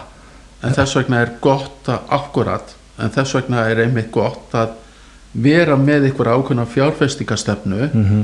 að þú sért ekki búin að setja öll þín egg í eitthvað sem gæti farið já, gæti farið núlið meina ég var að státa mig á því áðan að ég hef átt í Amazon en Amazon var næstu því fara á hausin Já, Já. um tíma. Það hefði auðvitað geta verið eitthvað annað fyrirtæki sem að hérna, ég meina þá myndi enginn vita að því fyrirtæki bara ef þið lesið æfisu uh, uh, sem sagt hann skrifa hann ekki sjálfur en hérna, æfisugu Jeff Bezos árið 2001-2 þá voru bara framkvæmtastjórar að flýja Amazon. Einmitt, fyrirtæki hétt á, blá, á bláþræði. Sömu sögu er þetta að segja um Tesla fyrir bara 2-3 árum síðan. Einmitt. þetta verðist vera voðalega einfalt í dag og ljóst. Auðvitað er þið Tesla svona stórt en þá var það ekkert gefið. Einmitt. Það bara langt frá því. Og Apple líka skilur og þetta er einmitt svona þetta er þessi sko þú ert með þessi fyrirtæki sem að eru að taka svona boom and busts basically jú, sko. jú, jú, jú. og, það er bara þau sko hérna sko hérna Jim Collins bókin hans Good to Great svona síkil bók varðandi stjórnun. Já, hún er mjög góð, ég las hana. Já, þetta er svona bók svona sem að talar um hvernig fyrirtæki þurfa stöðut vera að endurnýja sjálf, sjálf sig, sko, endurnýja sig. Mm en hann var reynda að gera síðan könnun Mm. eftir að hann, hann bara ef ég maður rétt 30 fyrirtæki saman 15 par alltaf 15 saman. Og eftir að bókin var gefin út fyrirtæki 15 sem hann talaði um að væri svo slög þau veittu, bet, veittu betri ávist en heldur en þessi góðu fyrirtæki. Og það er svo fyrirtæki eiga sína góðu og slæmu spretti en síðan er líka er hægt að spyrja sjálfur sig hversu mikið þessu góðu fréttum eru komin í verðið og þannig fram eftir gotunum það er engin leið til að vita það Nei. og hérna og Hlutabrif eru alltaf, þú veist, þetta er áhættu fjárfesting, þú, þú veist. En mismunandi mikið. Það er Já. þetta bara ég meina það, þú, þú vilt þess vegna vilt að hafa blandi póka vaksta fyrirtækjum og og eitthvað svona bara ég meina Procter Gamble og eitthvað einmitt, ég noti minni kjenslu þá nota ég sko bleiuframleðendur það er mjög gott dæmi að hafa einhverja bleiuframleðendur Pampers bleiur svo móti þú veist Ívar Pamp, Ívar Diapers eitthvað svona skilji. Að það sé hægt að vera með sko, stóru fyrirtækjum, litlu fyrirtækin bleiur sem eitthvað sem allir nota. Að þú sért síðan ertu með eitthvað eins og tækni fyrirtæki og setju upp sko bleiu fyrirtækin verða aldrei risar en þau malla á meðan að tækni fyrirtækin getur orðið næsti stóru hlutur en þannig fram eftir göttunum einmitt. og hérna fólk á mínum aldri 50 eitthvað ára gamalt það er að fjár- fjárfesta frekar í svona þessu bleiu fyrirtækjum og öðrum á meðan að yngra fólk er kannski með eitthvað, eitthvað hlutfall af þessu leiðulegu fjárfestingum en starra hlutfall miða við foreldra sína í þessum sko sigurvegurum morgudagsins en þá þarf maður að vera dálítið þá má maður ekki gleyma sér í því að að stundum bara hefur maður átt fyrir sér Já. og Nokia og. Ericsson og allt þetta fór fjandans Já. til einmitt það sem er erfitt að sjá fyrir um frá Nei, þetta er- Reyndar held ég að bæði, ég held að Nokia sé orðið eitt af þessum meme stocks sem að eru mikið kæft á Robinhood og fólk myndi mikla vonir í Já, Nokia. Já, gríns Já, já, ég meina ég veit að hef ekki sko, ég, hérna ég veit ekki hugmynd um það. Ég, hérna, ég þekki nú menn sem enn í dag sverja það að Nokia símanni séu bestu símar í heimi Já, ég er eiginlega bara einn af þeim sko já, það má bara vel vera. Ég hérna Nokia 3210 Já. Það er ódreipandi kvikindi sko. Ég var alveg til að fá einn já, sko. já, já, já. Ég, hérna, ég, ég, ætla ekki að já, ég, held ég geti bara samþykkt það. Og, og hérna og við hérna sko þessir stóru fyrirtæki í dag. Ég það má vel vera að þetta sé ennþá stæðstu fyrirtækin eftir tíu ár en það kemur mér ekkert óvart að það væri komin einhver allt önnur fyrirtæki sem að væru bara orðin miklu starri og ég veit ekki sko hversu hvert markasverði Netflix er í dag. Ah, ég var að það voru gjaldursöft en ég hefði nú svo gjarna þegar ég sá Netflix í fyrsta sinn hösti 2011 þá hugsaði ég ef ég ætti pening þá myndi ég fjárfest í þessu og ég held að 40 falda síðan þá Einmitt. en svo þetta stundum sér maður þetta Já. og en ég bara ég nú eru fyrirtæki eins og Square sem er Mhm. til dæmis að, að Square og hérna hvað heitir það Shopify þetta eru svona fyrirtæki sem að eru að auðvelda litlum fyrirtækjum byrðastjórnun mm Mhm. byrðastjórnun peningastjórnun, bókald og leiðandi í Bitcoin og já, já, já, sko. einmitt, einmitt, einmitt sko. Þannig að hérna hérna hver veit, kannski verður verða þessi fyrirtæki orðið bara aðal fyrirtækin út um allan heim eftir nokkur ár. Já. það er ómúlegt að vita. Það er ómöld að vita og þetta ég horfa allavega á þetta sem þetta er, þetta er fjárfesting. Þetta er eitthvað, þú ert að, þannig ert að riska pening og ert að taka gaml ámarkaði já, og ert að reyna að sjá fyrir framtíðina en að sparnaður er eitthvað sem þú átt á að vera til dæla riskfrí. Og þú veist, við, þú veist þetta það er, og það er mjög mikið risk að vera með 80% af portfólunuðinu í áhættu. Já, það, já það er bara alveg út í hött sko ef, ef að þetta er sparnaðurinn. Einmitt og þá er að þú veist, fyrir fólk er er þú veist sparnaði mjög mikilvægur. Veist, þetta er, þetta er svo mikilvægt tól til að geta þú veist hagrægt inn í framtíðin já, já, akkurat en, en það er búið að taka þetta á okkur. Við, erum, við eigum enga leið til að spara í dag. Við þurfum einhvern veginn bara að fara og riska peningum okkar til að geta haldið kaupmætti. Þannig að þú veist vonin okkar er að að Bitcoin getur þjónað þessu hlutverki og bara mjög fullkomlega fyrir hverja einustu manneska plánundinni já, svona setta okkur öll undir sama hatt og þú veist, setta okkur öll undir sama pening. Já. þannig að þú veist hagr, þú veist, hagkvæmnin í því Já. að við séum öll allt í einu komin á sama standard já, þú veist, Þú er gríðarleg. Þú þarf bara snjálsíma og internettengingu til þess að tengjast kjærfinu og við skulum bara benda á þessa staðreind enn og aftur í þessu þætti. Það er miljardur manns í þessum heimi sem að er skilgrindur sem the unbanked sem að fær ekki almenna uh, þjónustu hjá bankakjærfum og á bara erfitt með að, að fleita sér áfram.